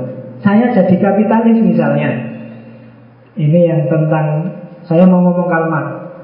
Aku kan menguasai sumber daya kalmat misalnya contohnya. Kamu nggak terlalu menguasai, tapi kamu butuh kalmat. Maka yang tentang kalmat tak kasih dikit-dikit dulu. Malam ini dasarnya ya. Sudahlah, cukup dasarnya. Minggu depan kalau kamu masih butuh, saya diundang lagi baru tak kasih tahu asumsi-asumsinya. Minggu depannya lagi baru tak kasih tahu. Dan kamu hanya tergantung luar biasa padaku. Kamu mau bayar, mau ngikutin aku, mau tiap hari tak suruh apa aja mau. Itu gambarannya kapitalisme. Dan ini cuma yang dikuasai alat-alat produksi yang menyangkut kehidupan orang banyak. Ya macam-macam sih tentang kesehatan, tentang pendidikan, tentang Oke. Nah, dasarnya kompetisi dan orientasinya profit. Dan prosesnya dilindungi oleh pemerintah.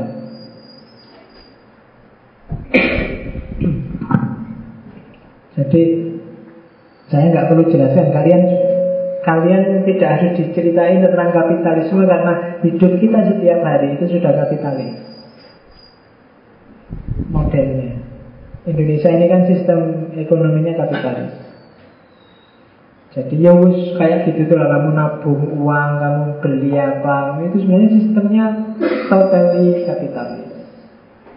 Listrik juga kamu bayar kan, bensin kamu juga beli. Meskipun dimiliki oleh negara kan negara kan namanya BUMN. Yo, tapi kan ada subsidinya, Pak. Subsidi dari siapa? Kan pajakmu. Sama aja. Jadi, enggak kita sistemnya totally kapitalis. Pemilik tanah menguasai tanah, para petani jadi bekerja sekarang, jadi buruh. Di desa-desa itu sekarang sawah-sawah itu bukan petani yang punya, tapi Cina-Cina. Petaninya bagian garap. Orang-orang kayanya dia cuma punya tanah nggak ikut garap, yang garap petaninya dan hasilnya ya dinikmati oleh yang punya sawah. Sistem ini namanya sistem kapitalis. Kapitalis pasti tidak egaliter. Ada yang punya modal, ada yang tidak punya modal. Ada penguasa, ada yang punya perusahaan, ada yang cuma buruh. Ada pegawai, ada juragan. Itu sudah mentalitas dan kita dididik dan dilatih berpikir model kapitalis. Makanya hampir semuanya, saya tidak yakin mungkin 90% yang ada di sini pasti cita-citanya jadi pegawai. Pegawai itu kan nama lain dari buruh yang harus patuh pada juragan. Dan kamu rebutan kan lowongan pegawai cuma dua terus yang daftar 300. Rebutan jadi pegawai, rebutan jadi guru. Ini sebenarnya mentalitas yang diwariskan oleh Belanda dulu. Karena zaman penjajahan itu kan Belanda punya politik etis. Politik etis itu antara lain ngasih pendidikan. Cuma uniknya Belanda dia membuka pendidikan yang menghasilkan pegawai-pegawai yang bisa bantu Belanda ngurusi tanah jajahannya. Sehingga terus didoktrinasi, di pokoknya struktur pendidikannya diatur biar lulusannya itu mau jadi pegawainya Belanda. Cuma kebablasan sampai hari ini akhirnya semua lulusan S1, S2, S3 pingin jadi pegawai kafe. Belandanya sudah pergi sejak tahun 1900 Berapa itu Tapi mentalitas pegawainya masih sisa sampai hari ini Ya pegawai itu kan nama halus dari buruh sebenarnya Dan kita berlomba-lomba jadi buruh Rebutan sampai nyokok segala Kalau bahasanya Marx, kita terjebak dalam the idiocy of rural life. Idiocy of rural life itu kalau bahasa kasarnya deso. Jadi kalau kita masih rebutan jadi pegawai, berarti kita masih deso. Pegawai itu jelas bukan pemilik modal. Kamu punya uangnya nunggu digaji oleh juraganmu. Oke. Okay. Kelas hatred dianggap baik, kelas sekolah beresin dianggap jelek. Karena biasanya untuk melanggengkan sistem kapitalis ini harus ada kelas. Nggak boleh orang anti kelas. Ada pemilik modal, ada buruh, ada juragan, ada anak buah harus ada. Kalau enggak kapitalisme enggak akan jalan. Kalau sama rasa sama rasa enggak akan jalan kapitalisme. Oke, okay. aja.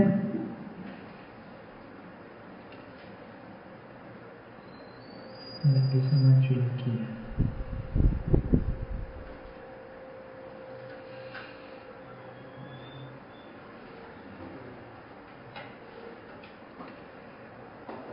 Terus nanti piye?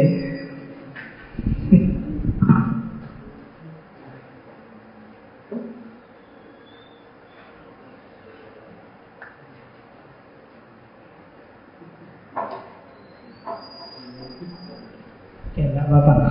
Karena ini ngaji di masjid sambil latihan sabar ya.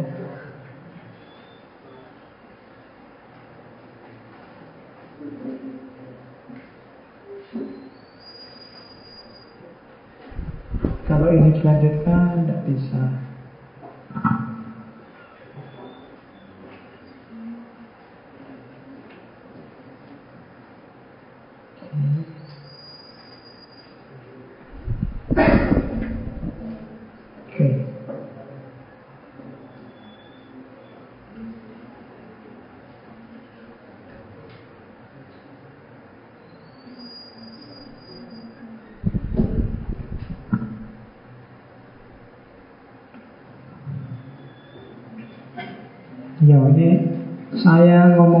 agak cepet karena panjang makin iya. Harus selesai malam ini. Karena kalau dilanjutkan minggu depan susah. Moodnya sudah putus. Oke, jadi kita lihat apa sih yang bermasalah dari kapitalisme? Yang pertama, kapitalisme mengalinasi manusia. Coba dilihat, katanya kalimat esensi manusia itu kerja. Nah, ini saya tidak tahu Jokowi itu belajar kalimat apa enggak. Kabinetnya kabinet kerja. Tapi katanya memang, memang esensi manusia itu kerja. Kerja mempengaruhi kesadaran dan kesadaran mempengaruhi cara kita bekerja. Apa yang kamu lakukan berpengaruh terhadap pikiranmu dan pikiranmu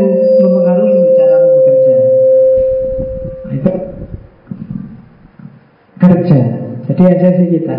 Kamu eksis jadi dirimu itu kan karena apa yang kamu lakukan. Karena kerjamu. Karena kamu tiap hari belajar, maka kamu disebut pelajar. Kamu membentuk esensi kepelajaran, kebelajaran dalam dirimu. Kan gitu. Karena tiap hari ke sawah terus disebut petani. Bukan karena petani dulu terus ke sawah Karena tiap hari dia ke sawah lah Maka dia disebut tani. Esensi kita itu karena kerja. Cara kita berpikir ditentukan oleh kerja kita Kerja kita menentukan Cara berpikir. Jadi kerja adalah Parameter eksistensial kita. Nah, bahasa, bahasa kerennya begitu eksis tidaknya dirimu itu tergantung apa yang kamu lakukan. Oke, terus kenapa kapitalisme mengeliminasi? Karena ternyata dari kapitalisme para buruh itu tidak bekerja sendiri tapi bekerja untuk juragannya, untuk orang lain. Biasanya orang kerja itu kan dinikmati sendiri. Mau diganti lah. Nanti dilihat aja kalau ada kasus lagi. Kamu belajar, pinternya kamu nikmati sendiri. Kamu nanam pohon, buahnya kamu nikmati sendiri, ya kan? Kamu minum manisnya kamu nikmati sendiri. Kerjakan selalu gitu yang eksistensial. Cuma dalam kapitalisme tidak begitu. Kamu misalnya kerja di pabrik sepatu, bikin sepatu. Tapi kan kamu nggak menikmati sepatumu. Sepatu ini dan kamu tidak bisa bilang bahwa itu hasil karyamu. Saya kerja sepatu di pabrik apa? Sepatu itu mereknya apa aja?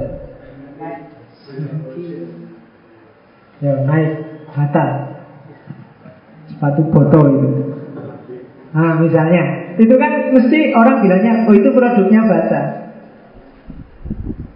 Bukan produknya buruhnya tadi. Kamu pakai iPad Samsung, yuk produknya Samsung. Bukan guru-guru yang ada di Samsung. Jadi padahal yang garap itu ya guru-gurunya di sana. Pegawai-pegawainya yang jelimeti ngatur masang apa-apa itu karya mereka. Mulai bahan sampai jadi rakitan. Tapi yang bikin nggak bisa mengklaim itu karyaku. Yang bisa mengklaim ya perusahaannya Samsung. Nah inilah karya Samsung. Taj Mahal itu karyanya siapa? Kamu kan mesti nyebut rajanya kan? Padahal itu kan ya tukang batunya, pegawai-pegawainya. Borobudur dibangun oleh dinasti siapa, raja siapa. Loh, itu ya dulu tukang batu Borobudur yang bikin. Tapi kan kamu nggak menyebut tukang batunya. Pasti rajanya. Jadi di sistem juragan dulu Di sistem kapitalis Orang nggak bisa menikmati hasil kerjanya. Kerja tapi nggak bisa menikmati. Minum tapi nggak bisa Ketemu manisnya. Belajar tapi nggak bisa ketemu pinternya maka manusia jadi terasing dalam dirinya sendiri. Aku tiap hari bikin iPad Samsung. iPad aja nggak punya, nggak kuat tubuh. Itu kan orang jadi terasing dari dirinya sendiri. Jadi ternyata kapitalisme mengasingkan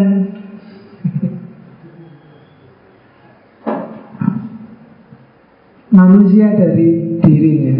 Pekerjaan itu harusnya menjadi bukti eksistensialnya, tapi justru pekerjaan melenyapkan dirinya. Coba kamu lihat pegawai-pegawai di pabrik-pabrik itu berangkat pagi, kadang-kadang belum lihat matahari, pulang habis maghrib mataharinya sudah hilang. Jadi nggak pernah lihat matahari sama sekali. Dan, ini yang dilihat Max sebenarnya. Kasihan sekali ya pagi pulang malam. Kadang-kadang terus dapat gaji, gajinya nggak seberapa. Gaji itu untuk beli barang yang dia bikin sendiri kadang-kadang juga tidak bisa. Yang tadi bikin sepatu merek naik ke merek bata, pegawainya sendiri beli itu tidak bisa. Tidak kuat, dia sendiri pakai sandal jepit. Ya kan, terasing dari karyanya sendiri. Jadi kapitalisme mengalienasi manusia, bikin manusia tidak jadi manusia. Nah, berarti apa? Ada eksploitasi dalam kapitalisme. Pemodal selalu dapat enak. Pemodal untung dan buruhnya semakin susah. Gambarnya kapitalis itu ini, ini gambar yang sangat terkenal di abad modern, awal lahirnya konsep kapitalisme. Inilah piramida kapitalis. Ya kan? Jadi kapitalis itu Coba dilihat struktur sosial itu. Yang paling berat kan yang paling bawah Para pekerja. Itu kan kata-katanya We fit all. We work for all. Kita yang kerja macam-macam Kita yang nanam padi Kita yang ngasih makan semua. Yang di atasnya kelompok borjuis. Seneng-seneng cuma makan-makan kalau bangsanya Abu Rizal Bakri, bangsanya Kolomrat, Konglomerat itu kan jas-jasan tiap hari, makan enak tiap hari dari hotel ke hotel. Kelompok berjuis. Dan mereka aman karena dijaga oleh atasnya kelas militer. Itu ada tulisannya we shoot you.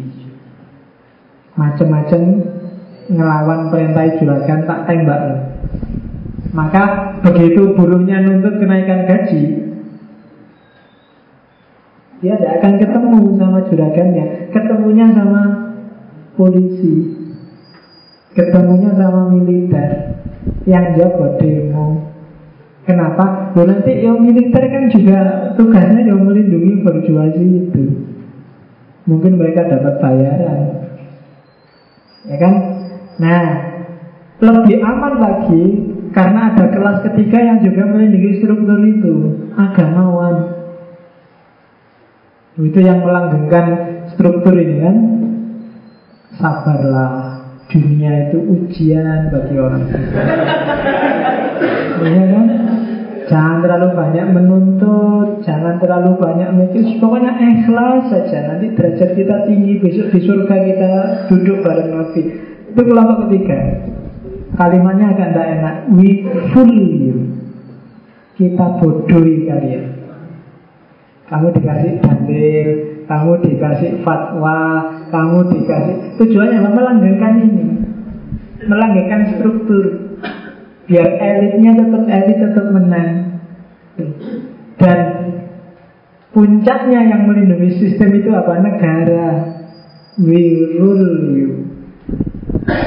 Negara yang ngatur.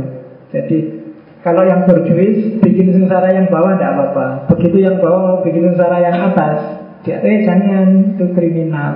Oh itu ah. Dibikin aturan-aturan yang melanggengkan sistem ini. Karena semuanya dapat share dari kelompok berjuis itu tadi. Dalangnya ada di berjuis yang tugasnya cuma makan-makan. Semuanya kan kerja. Yang satu kerja kasar, yang atas kerja melindungi, yang kiai kerja nyari justifikasi, yang negara bikin aturan-aturan untuk melanggengkan. Tetap yang makan-makan dan senang-senang adalah kelompok berjuis. Jadi itu piramida sistem yang kapitalis. Karena saya bilang tadi Indonesia kapitalis, yang selalu ketawa-ketawa adalah kelompok kedua ini. Yang pemerintah, oh tawuran sampai hari ini DPR mejanya dibolak-balik sampai saat itu. Kenapa?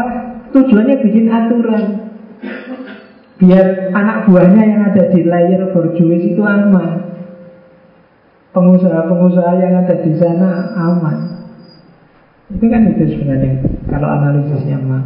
Jadi piramida kapitalis. Negara tugasnya melanggengkan sistem itu. Rohaniwan, agamawan, cari justifikasinya.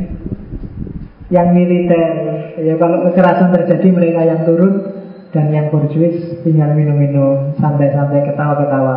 Yang sengsara yang bawah. Dia harus menanggung beban semuanya. Itu kapitalisme.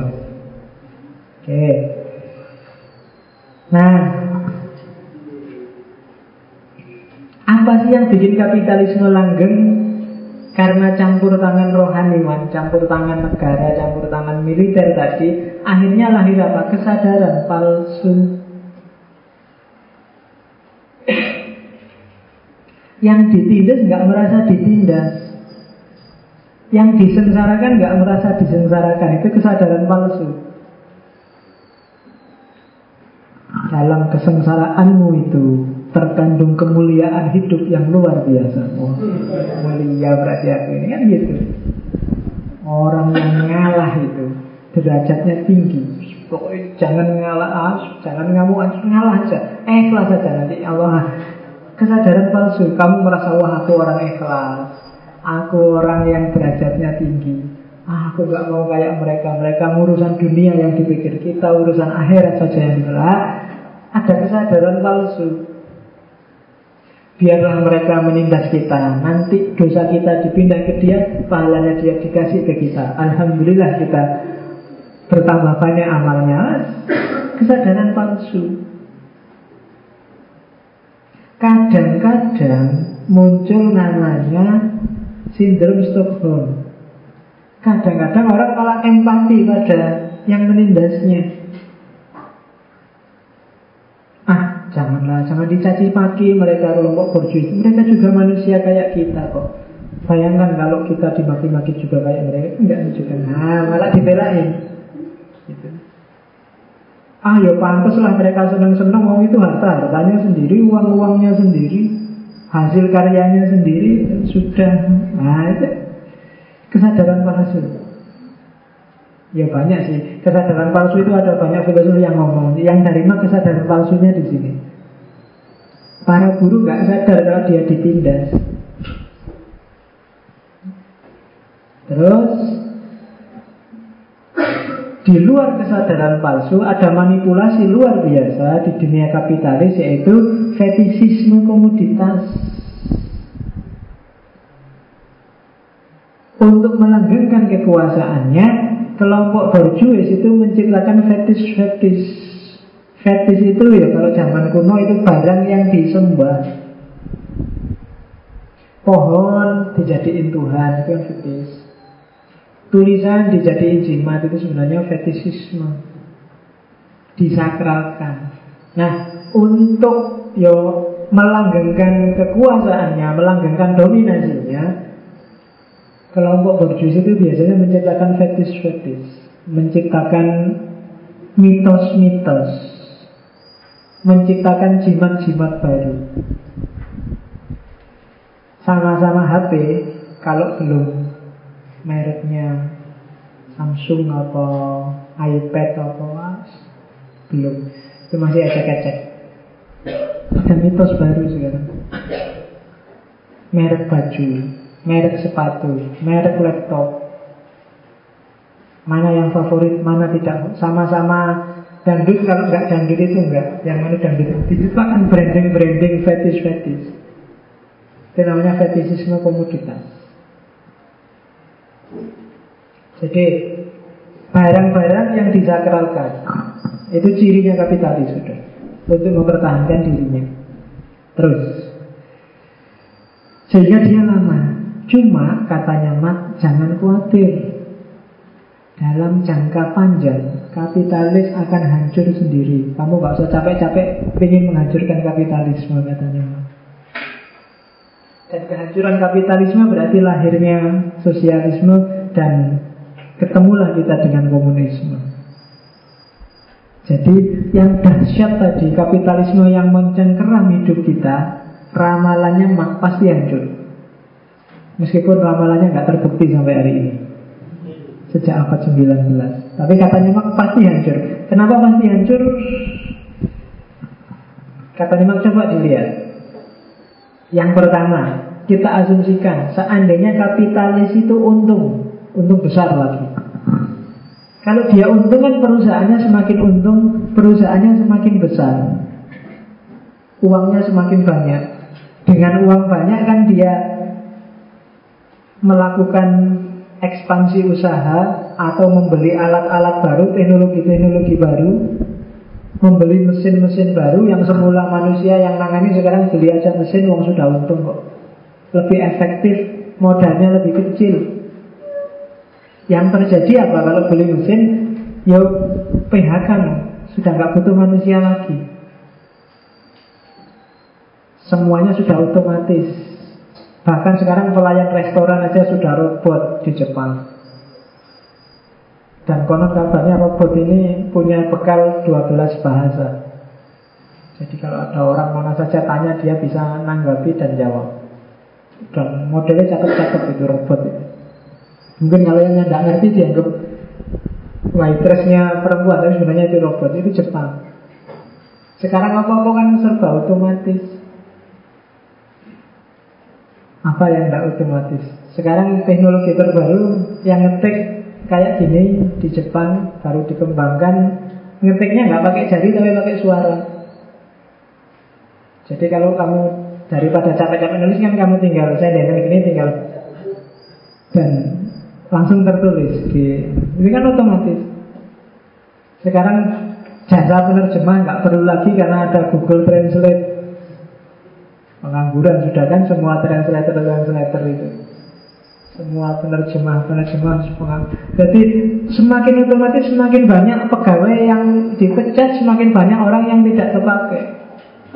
Semakin banyak pengangguran. Kalau ya. kalau semakin banyak pengangguran, ini masalah sosial.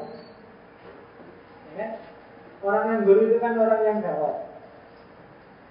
Sumpah nggak ada yang dikerjain mau apa-apa nggak jelas mau apa wis dia akan jadi sumber sampean duduk sini aja nggak ada masalah oke begitu banyak pengangguran terjadi akan banyak masalah sosial. Kalau banyak masalah sosial perusahaan akan terancam. Ada konflik dikit aja yang terjadi apa? Pasti penjarahan. Habis sudah kan kalau sudah penjarahan. Kalau habis dipecat jengkel perusahaannya dibakar. Hancur sudah kapitalis-kapitalis. Nah perusahaan, perusahaan untuk Menyusahkan. Apalagi perusahaannya rugi Kalau yo. Pasti kan Kalau nggak upah pegawainya turun Atau PHK besar-besaran Atau perusahaannya tutup Atau produksinya dikurangi Sudah banyak pada akhirnya ya imbasnya kan pegawai. Kalau perusahaan tutup itu yang sengsara kan tetap pegawainya, nggak mungkin juragannya. Akhirnya ya banyak orang lebih sengsara, banyak orang miskin. Semakin banyak orang miskin ya daya belinya semakin jatuh. Daya belinya semakin jatuh ya perusahaannya nggak bisa menjual banyak. Ketika perusahaan nggak bisa menjual banyak ya rugi, tambah rugi dia, tambah bangkrut dan akhirnya hancur ramalannya mak untung atau rugi kapitalisme akan hancur dengan sendirinya. Ya meskipun ramalan terbukti, tapi kan minimal ada harapan lah. Kapitalisme tidak hancur tanpa revolusi. Selanjutnya ya. Oke. Terus ini tak loncat aja sudah nanti tinggal dibaca. Kelompok proletar. Ya. Jadi untuk menghancurkan kapitalisme selain tinggal ditunggu saja waktunya ada cara yang lebih cepat yaitu apa revolusi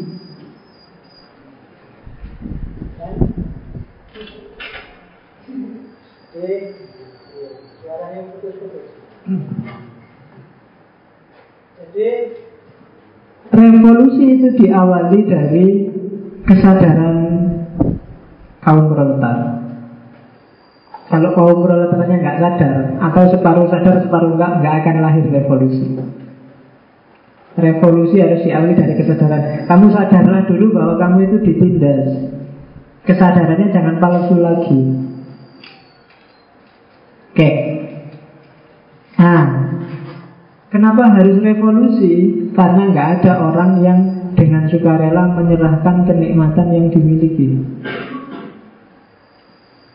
Kalau saya kaya, ya kayak tadi loh, zaman PKI tiba-tiba tanahnya mau dibagi itu semua orang nggak akan ada yang rela.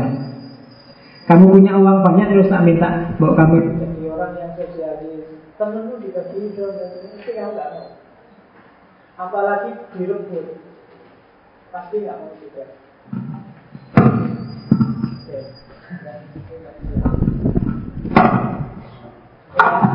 Jadi harus revolusi. Kalau kalau evolusi kesulitan. Ditunggu pelan-pelan berat. Kenapa? Sebenarnya kalau dibiarin aja hancur sendiri. Cuma mereka kan nggak akan diam aja nunggu dirinya hancur. Pasti bikin rekayasa-rekayasa. Dan itu yang terjadi sampai hari ini. Jadi ada manipulasi-manipulasi rekayasa-rekayasa sehingga semakin menutupi kesadaranmu. Kesadaranmu tambah lama tambah palsu, tambah tidak jelas. Maka untuk mengatasi itu kesuwen ayo revolusi. Nah, tapi revolusi kan kekerasan pak. Ya gimana lagi kalau nggak pakai jalur itu kita nggak bisa menang. Ya? Maka lahirlah namanya revolusi proletariat. Sebenarnya dulu kaum borjuis menang itu juga lewat revolusi, namanya revolusi borjuis. Dari feodalisme lahir borjuasi. Karena sejarah akan berubah hanya lewat revolusi, katanya. Oke. Nah, prosesnya kayak gitu nanti. Dari revolusi proletariat, kemudian lahir diktatorship proletariat, dari situ kemudian akan muncul masyarakat sosialis. Setelah masyarakat sosialis, puncaknya adalah komunis. Revolusi proletariat ya ketika orang-orang proletar memberontak pada kapitalisme. Dan pada akhirnya pasti menang, jangan khawatir. Nah kalau kalah apa? Enggak. Karena orang proletar itu orang nekat. Melarat, sumpek, susah, ngamuk. Itu susah, di atas. Orang lebih mati kan mengerikan kan itu sudah jadi kalau ingin bikin pasukan yang kuat carilah orang-orang nganggur orang-orang putus asa orang-orang susah diladeni di situ. Sesakti apa pun kamu susah membendung orang-orang itu. Dan itu orang-orang proletar pasti mereka menang nanti. Kalau mereka mau kompak loh ya. Sekarang nggak menang-menang karena nggak kompak. Kenapa? Ya kapitalisme nggak akan diam aja dia Dia akan bikin trik. Nah sudah menang proletariat akan lahir namanya diktatorship proletariat. Begitu dia menang, dia akan balas dendam. Selama ini saya ditindas, tak ambil semua hartamu, gantian. Kamu yang kemarin senang sekarang sengsara lah. Itu diktatorship proletariat. Biasanya kan gitu. Ketika kamu balas dendam, kemenangan pertama itu kamu pokoknya ingin senang-senang euforia. Dari ditindas ingin menindas. Jadi akan ada fase kebalikannya. Diktatorship proletariat. Mereka balas. Itu yang dilakukan dulu PKI di Indonesia dan ingin balas jenderal-jenderal, balas kelompok. Mereka menyebutnya kabin, kapitalisme birokrat. Begitu menang ya mereka harus sengsara dulu itu diktatorship proletariat. Tapi lama-lama akan lahir masyarakat sosialis, akan lahir kesadaran. Ya ya, kalau kita sama sadisnya, sama ganasnya kayak kapitalis, apa bedanya? Biar tidak lahir kapitalisme baru, sekarang komposisinya diganti bukan lagi hak milik tapi milik bersama. Maka negara tugasnya sekarang mendistribusikan harta kekayaan negara secara adil Ya pengelola negara ya orang-orang proletar itu tadi Mantan orang miskin Ya Diasumsikan mantannya orang miskin berarti ngerti lah rasanya jadi orang miskin jadi nggak serakah. Dan di tangan mereka akan lahir masyarakat sosialis. Jadi ya semua distribusi diatur secara adil, secara merata. Oke, hak milik boleh dimiliki tapi diatur dengan sangat ketat.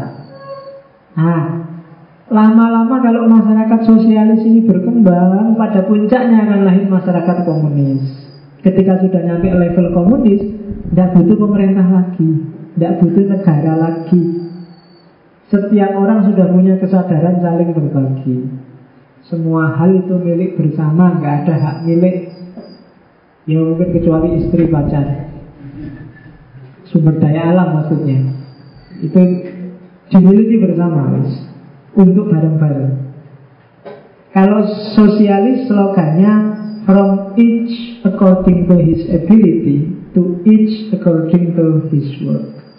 Jadi untuk setiap orang sesuai kemampuannya bagi setiap orang eh dari setiap orang sesuai kemampuannya untuk setiap orang sesuai pekerjaannya.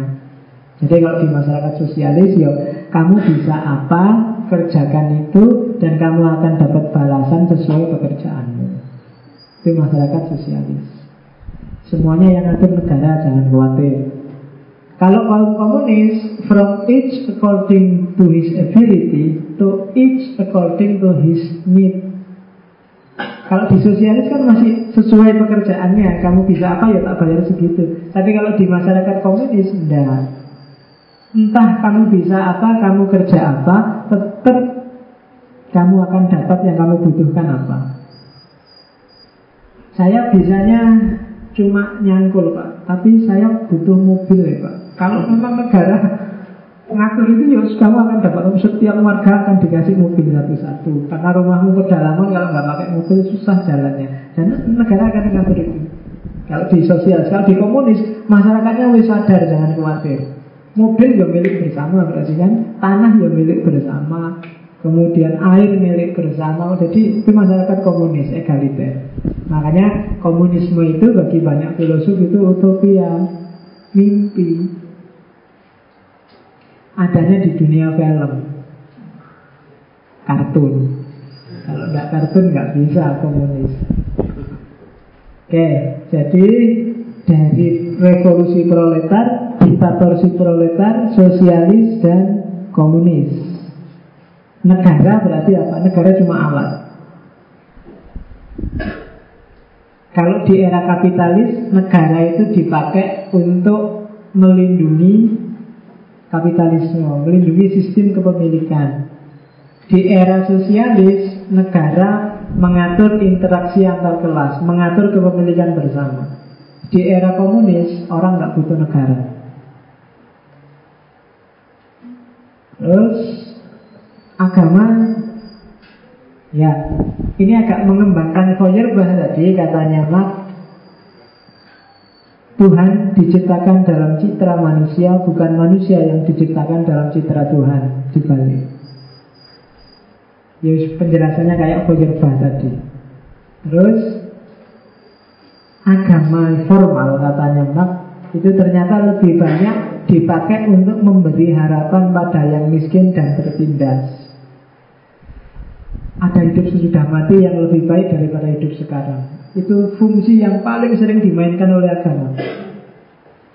Jadi orang-orang kaya konglomerat itu sebenarnya nggak terlalu butuh agama.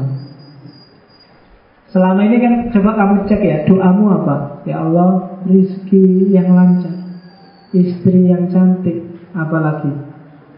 Kemudian oh, selalu gitu kan sukses dalam selalu gitu. Dan orang-orang kaya kan sudah dapat itu semua. Aku ingin bayangin kira-kira Abu Rizal Bakri itu doanya apa ya? Kira-kira Bill Gates, kira-kira siapa yang kemarin punya Facebook itu seandainya percaya Tuhan berdoa pada Tuhan minta apa dia? Apa-apa wis duwe. Jadi seandainya nggak ada Tuhan pun nggak apa-apa mungkin bagi orang lain. Yang paling butuh Tuhan kan kita. Dan katanya mak, ya kamu formal memang gunanya sering-sering kayak gitu untuk menghiburmu. Tenang aja kita masih punya Tuhan Oke terus Dan sering-sering juga dijadiin kontrol sosial Oleh kelompok penguasa Eh Islam loh ya Diingat-ingat Cirinya gini Islam ini penguasa biasanya Islam yang sejati itu nggak boleh marah, harus sabar. Kita kan sama-sama Islam, kan? jadi agama dipakai sebagai kontrol. Saya masih ingat zaman haji itu kan gitu, pelayanannya jelek kayak gimana, Bapak-bapak tidak boleh protes. Haji itu kan ibadah yang ikhlas. Jadi ini dihapusin entek-entekan ya orang itu. Protes Karena nanti jadi nggak ikhlas loh Kan gitu. Nah itu agama sering memainkan peran kayak gitu. Dan katanya Mak kalau bisa melahirkan komunisme, orang tidak butuh surga lagi karena komunisme adalah surga di muka bumi. Kalau kamu ngomong kayak gini di luar dianggap makar lah. ya, kalau ada komunisme surga akan lahir di muka bumi. Gak perlu diserang tapi ya Agama jangan dibubarkan, jangan dimarah-marahi Dia akan bubar sendiri Dia akan hilang sendiri Di masyarakat komunis Jadi kesimpulannya katanya Mak Agama itu hanya the object of the masses candu masyarakat. Opium dalam kehidupan sosial. Candu itu kan gitu, orang stres, orang depresi, orang sumpek, ah, tidak ada jalan keluarnya terus nyabu. Ya kayak Tesi dan kawan-kawan ini kan Sedang sumpek terus nyabu Candu Agama sering memainkan peran kayak gitu Begitu kamu kalah, begitu kamu disindas, hmm, awas Gusti Allah ora sare. Gusti Allah sing bales, hati-hati wae. Awas. Gak gelem balas dewe, kok dibalas sendiri. Enggak. Karena kenapa? Karena kamu merasa nggak kuat balas sendiri. Kamu merasa nggak punya power. Oke. Jadi pikirannya mungkin tidak pas dengan kita yang beragama, tapi sering-sering agama kita posisikan seperti opium. Dan itu kita nggak bisa bohong. Agama sering kita jadikan alat untuk menghibur kalau kita kalah. Alat untuk kalau kita terdesak, ah ada agama. Sebenarnya itu yang dilihat oleh para filosof ini. Jadi mereka lihat sisi itunya, tidak melihat akidahmu yang kayak gimana fikir pasal kayak enggak, dia lihat sisi itunya. Makanya kesimpulannya kayak gini. Jadi kalau mau dibilang Ahmad salah, iya salah. Salahnya dia tidak melihat agama secara utuh. Tapi dia benar di sisi ini. Di sisi ketika banyak ternyata orang memang menjadi agama alat manipulasi psikologis dan manipulasi sosial. Oke, cara membacanya begitu. Terakhir, ya ini untuk banyak orang nggak bisa membedakan Marxisme sama Leninisme. Di antara yang mengembangkan ajarannya Marx itu Lenin. Bedanya di situ nanti. Yang di Indonesia itu lebih bau Lenin. Jadi kalau Marx basisnya itu masa. Kalau di Lenin itu partai. Ada partai komunis. Kalau di Marx nggak ada partai komunis. Itu ya masyarakat sendiri yang harus berjuang. Nggak pakai partai-partai. Kalau di metode revolusinya alamiah. Kita tunggu feodal dikembangkan borjuis dan kita tunggu borjuis akan dikembangkan oleh kaum buruh. Ada proses natural di situ. Sementara kalau Lenin kesuwen, tidak usah ditunggu-tunggu. Ayo kita bikin partai, kita bikin organisasi dan kita habiskan kelompok feodal dan borjuis. Itu Lenin. Berarti kapitalisme tumbang kalau dimak karena overproduksi, karena dirinya sendiri, sistemnya sendiri yang memang rusak. Tapi kalau di Lenin dia harus ditumbangkan. Jadi mat sifatnya pasif, kalau Lenin sifatnya aktif, ofensif. Jadi yang nyerang-nyerang, ngerusak-ngerusak itu kebanyakan model Lenin, bukan model Marx. Awas keliru. Ini orang sering campur aduk. Terakhir, ya ini ada quote-quote dari Mark. Apa sih istimewanya Mark? Di Mark sangat terasa bahwa ngomong filsafat itu ngomong kehidupan kita sehari-hari. Tidak lagi ngomong idealisme, tidak lagi ngomong langit, tidak lagi ngomong teori. Karena katanya Mark, the philosophers have only interpreted the world in various ways. The point, however, is to change it para filosof itu sudah terlalu banyak ngomong, terlalu banyak mikir tentang dunia ini. Ngomong macam-macam in various ways. Padahal yang penting bisa nggak dia merubah dunia? Poinnya kan di situ. Pakaian ngomong di kok. Ada teori mulai zaman Socrates sama zaman Hegel canggih-canggih luar biasa, tapi ada dampak nyatanya enggak. Nah itu mak. Terus ini jargonnya yang paling terkenal. Workers of the world unite. You have nothing to lose but you will change. Para pegawai, para buruh, para pekerja seluruh dunia bersatulah. Bikin revolusi. Jangan takut, kalian gak akan rugi apa-apa. You have nothing tulus kalian kan nggak akan kalian nggak akan kehilangan apa-apa. Paling minimal hanya kehilangan rantai yang membelenggu. Itu minimal. Ya maksimal ya mungkin mati. ya. Nggak ada ruginya, sudah hidup susah mati, alhamdulillah. Daripada susahnya berlama-lama. Jadi bersatulah. Nah kemarin besok kalau mau daftar pegawai bersatulah para calon pegawai karena kalian gak akan kehilangan apa-apa There is nothing more terrible and humiliating than to be the slave of slave. Tidak ada hal yang lebih mengerikan dan memalukan daripada menjadi budaknya budak. Saya pegawai berarti saya budak dan kamu manut aku berarti kamu jadi budaknya budak.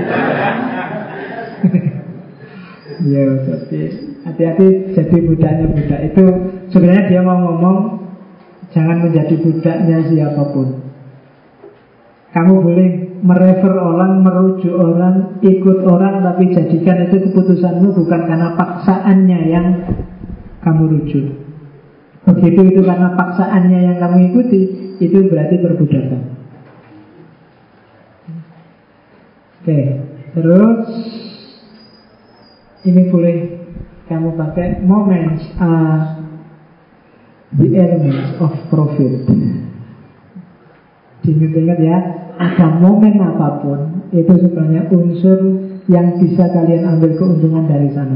Momen ngaji filsafat, momen ngobrol sama teman, momen ngangkring, momen itu kan momen-momen. Ambil sebanyak mungkin manfaat, ambil sebanyak mungkin profit dari sana. Ini modusnya orang hidup. Jangan sampai sia-sia, jangan sampai ngaji dua jaman ini nggak tahu pak saya dapat apa. Harus entah ambil hikmahnya sisi apanya. Mungkin sisi laptopnya yang mati hidup. Nah, itu banyak pelajaran dari sana. Tapi ambil momen ini dari sini ambil profit. Elemen momen are the element of profit. Momen apa pun ambil profit dari sana. Profit itu tidak selalu harus sifatnya intelektual atau material, bisa moral, bisa relasi, macam-macam profit. Pinterlah mencerdasi hidupmu untuk ngambil profit sebesar-besarnya di momen apa pun. Oke, okay. nah, akhirnya selesai juga mak.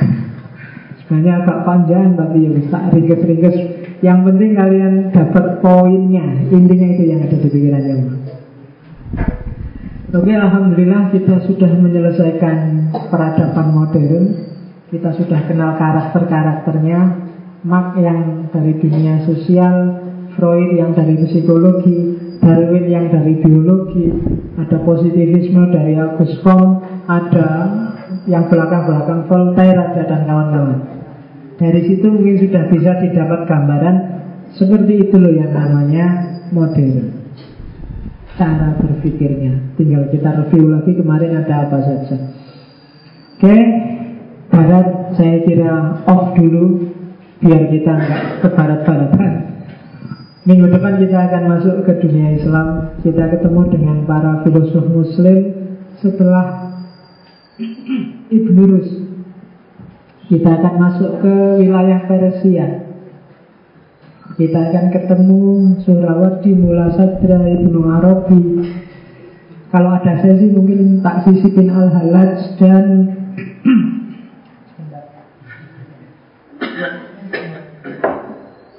mungkin tak masukkan mumpung ngomong para wali besar dengan pikiran-pikirannya tak masukkan saya Abdul Qadir Jailani Sultanul Aulia Rumi meskipun nggak banyak. Karya kalian sudah dapat Rumi. Jadi tradisi filsafat iluminatif.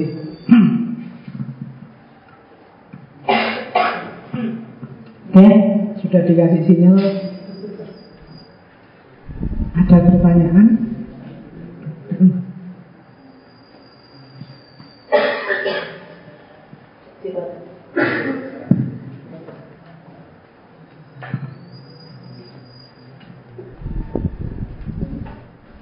Assalamualaikum warahmatullahi wabarakatuh.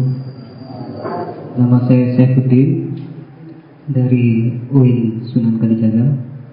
E, Pertanyaannya mungkin di luar ini Ustaz Saya ingin tanya Karena beberapa sesi kemarin kita pernah e, dijelaskan tentang banyak teori e, Pertanyaan saya cuma dua Yang pertama adalah Apa teori itu sendiri Yang kedua e, Apakah pernyataan saya yang akan saya ucapkan ini termasuk teori atau bukan. Kepastian itu eh, sesuatu itu tidak pernah pasti, belum eh, ya tidak pernah pasti. Yang pasti itu adalah ketidakpastian itu sendiri. Begitu saya. Assalamualaikum warahmatullahi wabarakatuh. Oke, langsung aja ya cepet-cepetan. Teori sebenarnya nanti adanya di mata kuliah filsafat ilmu atau metodologi penelitian. Ringkasnya gini. Teori itu gampang-gampangannya rangkaian dari satu pernyataan yang punya korelasi logis yang menjelaskan sesuatu. Itu teori. Jadi ada serang teori itu nggak pernah satu kalimat, tapi rangkaian pernyataan. Dan rangkaian ini ya ada logikanya. Dan dia disebut teori kalau sudah menjelaskan satu kenyataan. Di teori, makanya ada teori apa ya? setiap ilmu pasti ya. Nanti sebelum jadi teori biasanya ada konsep, ada filosof yang menyamakan teori dan konsep. Nanti di atas teori paling awal itu sebenarnya pengetahuan. Pengetahuan tentang beberapa hal itu nanti ketika dikonstruksi secara logis dia akan jadi teori atau konsep. Teori ini ketika didalami, disistemasi, di apa runut secara sistematis, metodis dan sebagainya itu dia akan lahir jadi ilmu. Ilmu ini kalau disepakati oleh banyak orang, oleh satu komunitas tertentu, dijadikan dasar berpikirnya, maka dia akan jadi paradigma. Paradigma ini kalau semakin besar pengikutnya, intersubjektifnya semakin besar, dia akan menjelma jadi worldview. Pandangan dunia. Sangkan parahnya gitu. Jadi unit paling kecil itu pemahaman, dari pemahaman jadi pengetahuan, jadi dari pengetahuan jadi teori dan konsep, teori dan konsep lebih besar jadi ilmu, ilmu jadi paradigma, paradigma jadi worldview. Dan worldview itulah sebenarnya yang jadi modus hidupnya setiap orang. Wah, jangan-jangan tehnya ada racun. Oke, yang kedua apa mau? Ya, satu-satunya hal yang pasti adalah ketidakpastian. Iya, tidak apa-apa. Dalam proses kita mencari ilmu, dalam proses kita belajar, prinsip itu bisa kita pakai dalam arti jangan cepat puas. Jangan berhenti. Cuma dalam hidup sehari-hari tetap kita butuh kepastian-kepastian. Ya kan? Saya loncat dari amplas lantai tiga ke bawah, saya yakin pasti mati, maka aku tidak berani nyoba. Hmm. Saya kalau banyak kepastian-kepastian. HP ini kalau tak jatuhkan, itu jatuh ke bawah dan pecah maka nggak tak jatuhkan. Aku yakin nggak usah diuji. Meskipun mungkin ada kok kadang-kadang ini tidak laku mungkin wilayah tertentu yang anti gravitasi. Jadi satu-satunya yang pasti adalah ketidakpastian dalam konteks nyari ilmu dalam konteks filosof yang belajar ya tapi dalam praksis sehari-hari kita butuh pijakan-pijakan. Yang itu Ya kita yakin benarnya sampai ada bukti baru yang memfalsifikasi teori kita, memfalsifikasi keyakinan kita. Cara berpikirnya begitu. Berarti tidak masukkan apa ya? Pernyataan seperti itu. Pernyataan itu namanya jargon. Kalau dijelaskan panjang dia bisa jadi teori. Teori tentang kepastian. Certainty ada beberapa filosof yang punya teori itu. Cuma yang jelas pasti bukan ilmu karena saya belum belum melihat dia dibahas secara sangat serius. Dari filosof-filosof tentang kepastian ya Yunani sebenarnya. Coba kamu lihat kelompok sofis yang nanti dibantah oleh Socrates Plato. Itu yang kalau alirannya yang sampean bilang tadi itu alirannya namanya skeptisisme. Ya. Cari buku filsafat atau surfing di internet, cari bab namanya skeptisisme. Sebenarnya yang modern ada Rene Descartes, cuma yang lebih simple dan gampang dipahami kelompok sofis, kelompok Yunani. Kalau Descartes agak jelimet. Oke, masih ada lagi? Alhamdulillah, masih ada. Alhamdulillah untuk dia. Satu lagi ya.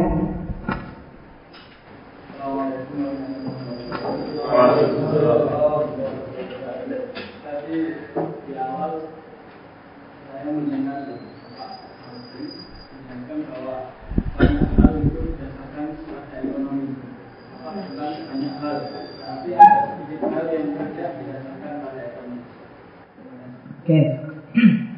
Kalau dimak semuanya, cuma kalau saya ya banyak hal saja.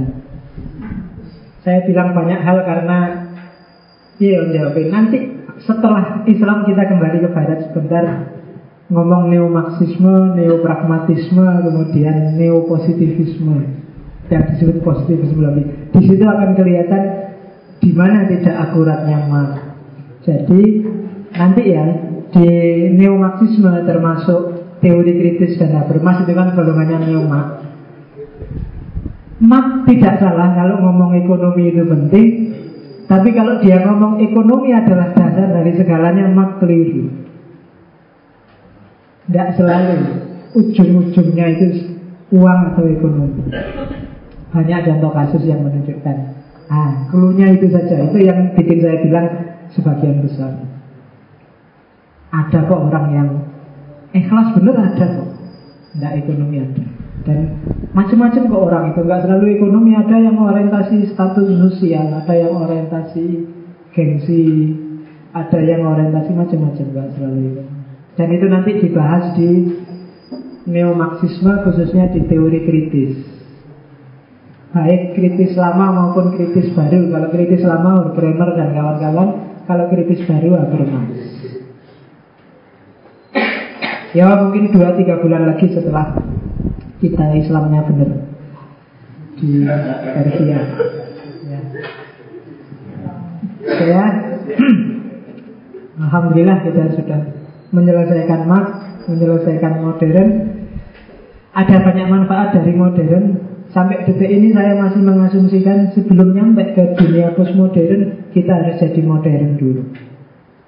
Modern bukan sesuatu yang bisa kita lewatkan. Tidak seperti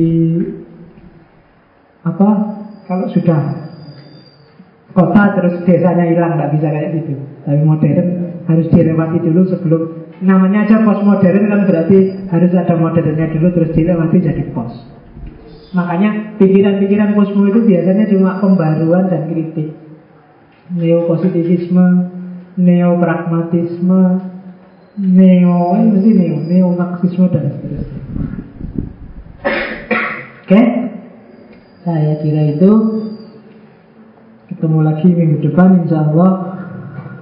Wallahu muwaffiq. Wallahu a'lam bissawab wassalamualaikum warahmatullahi wabarakatuh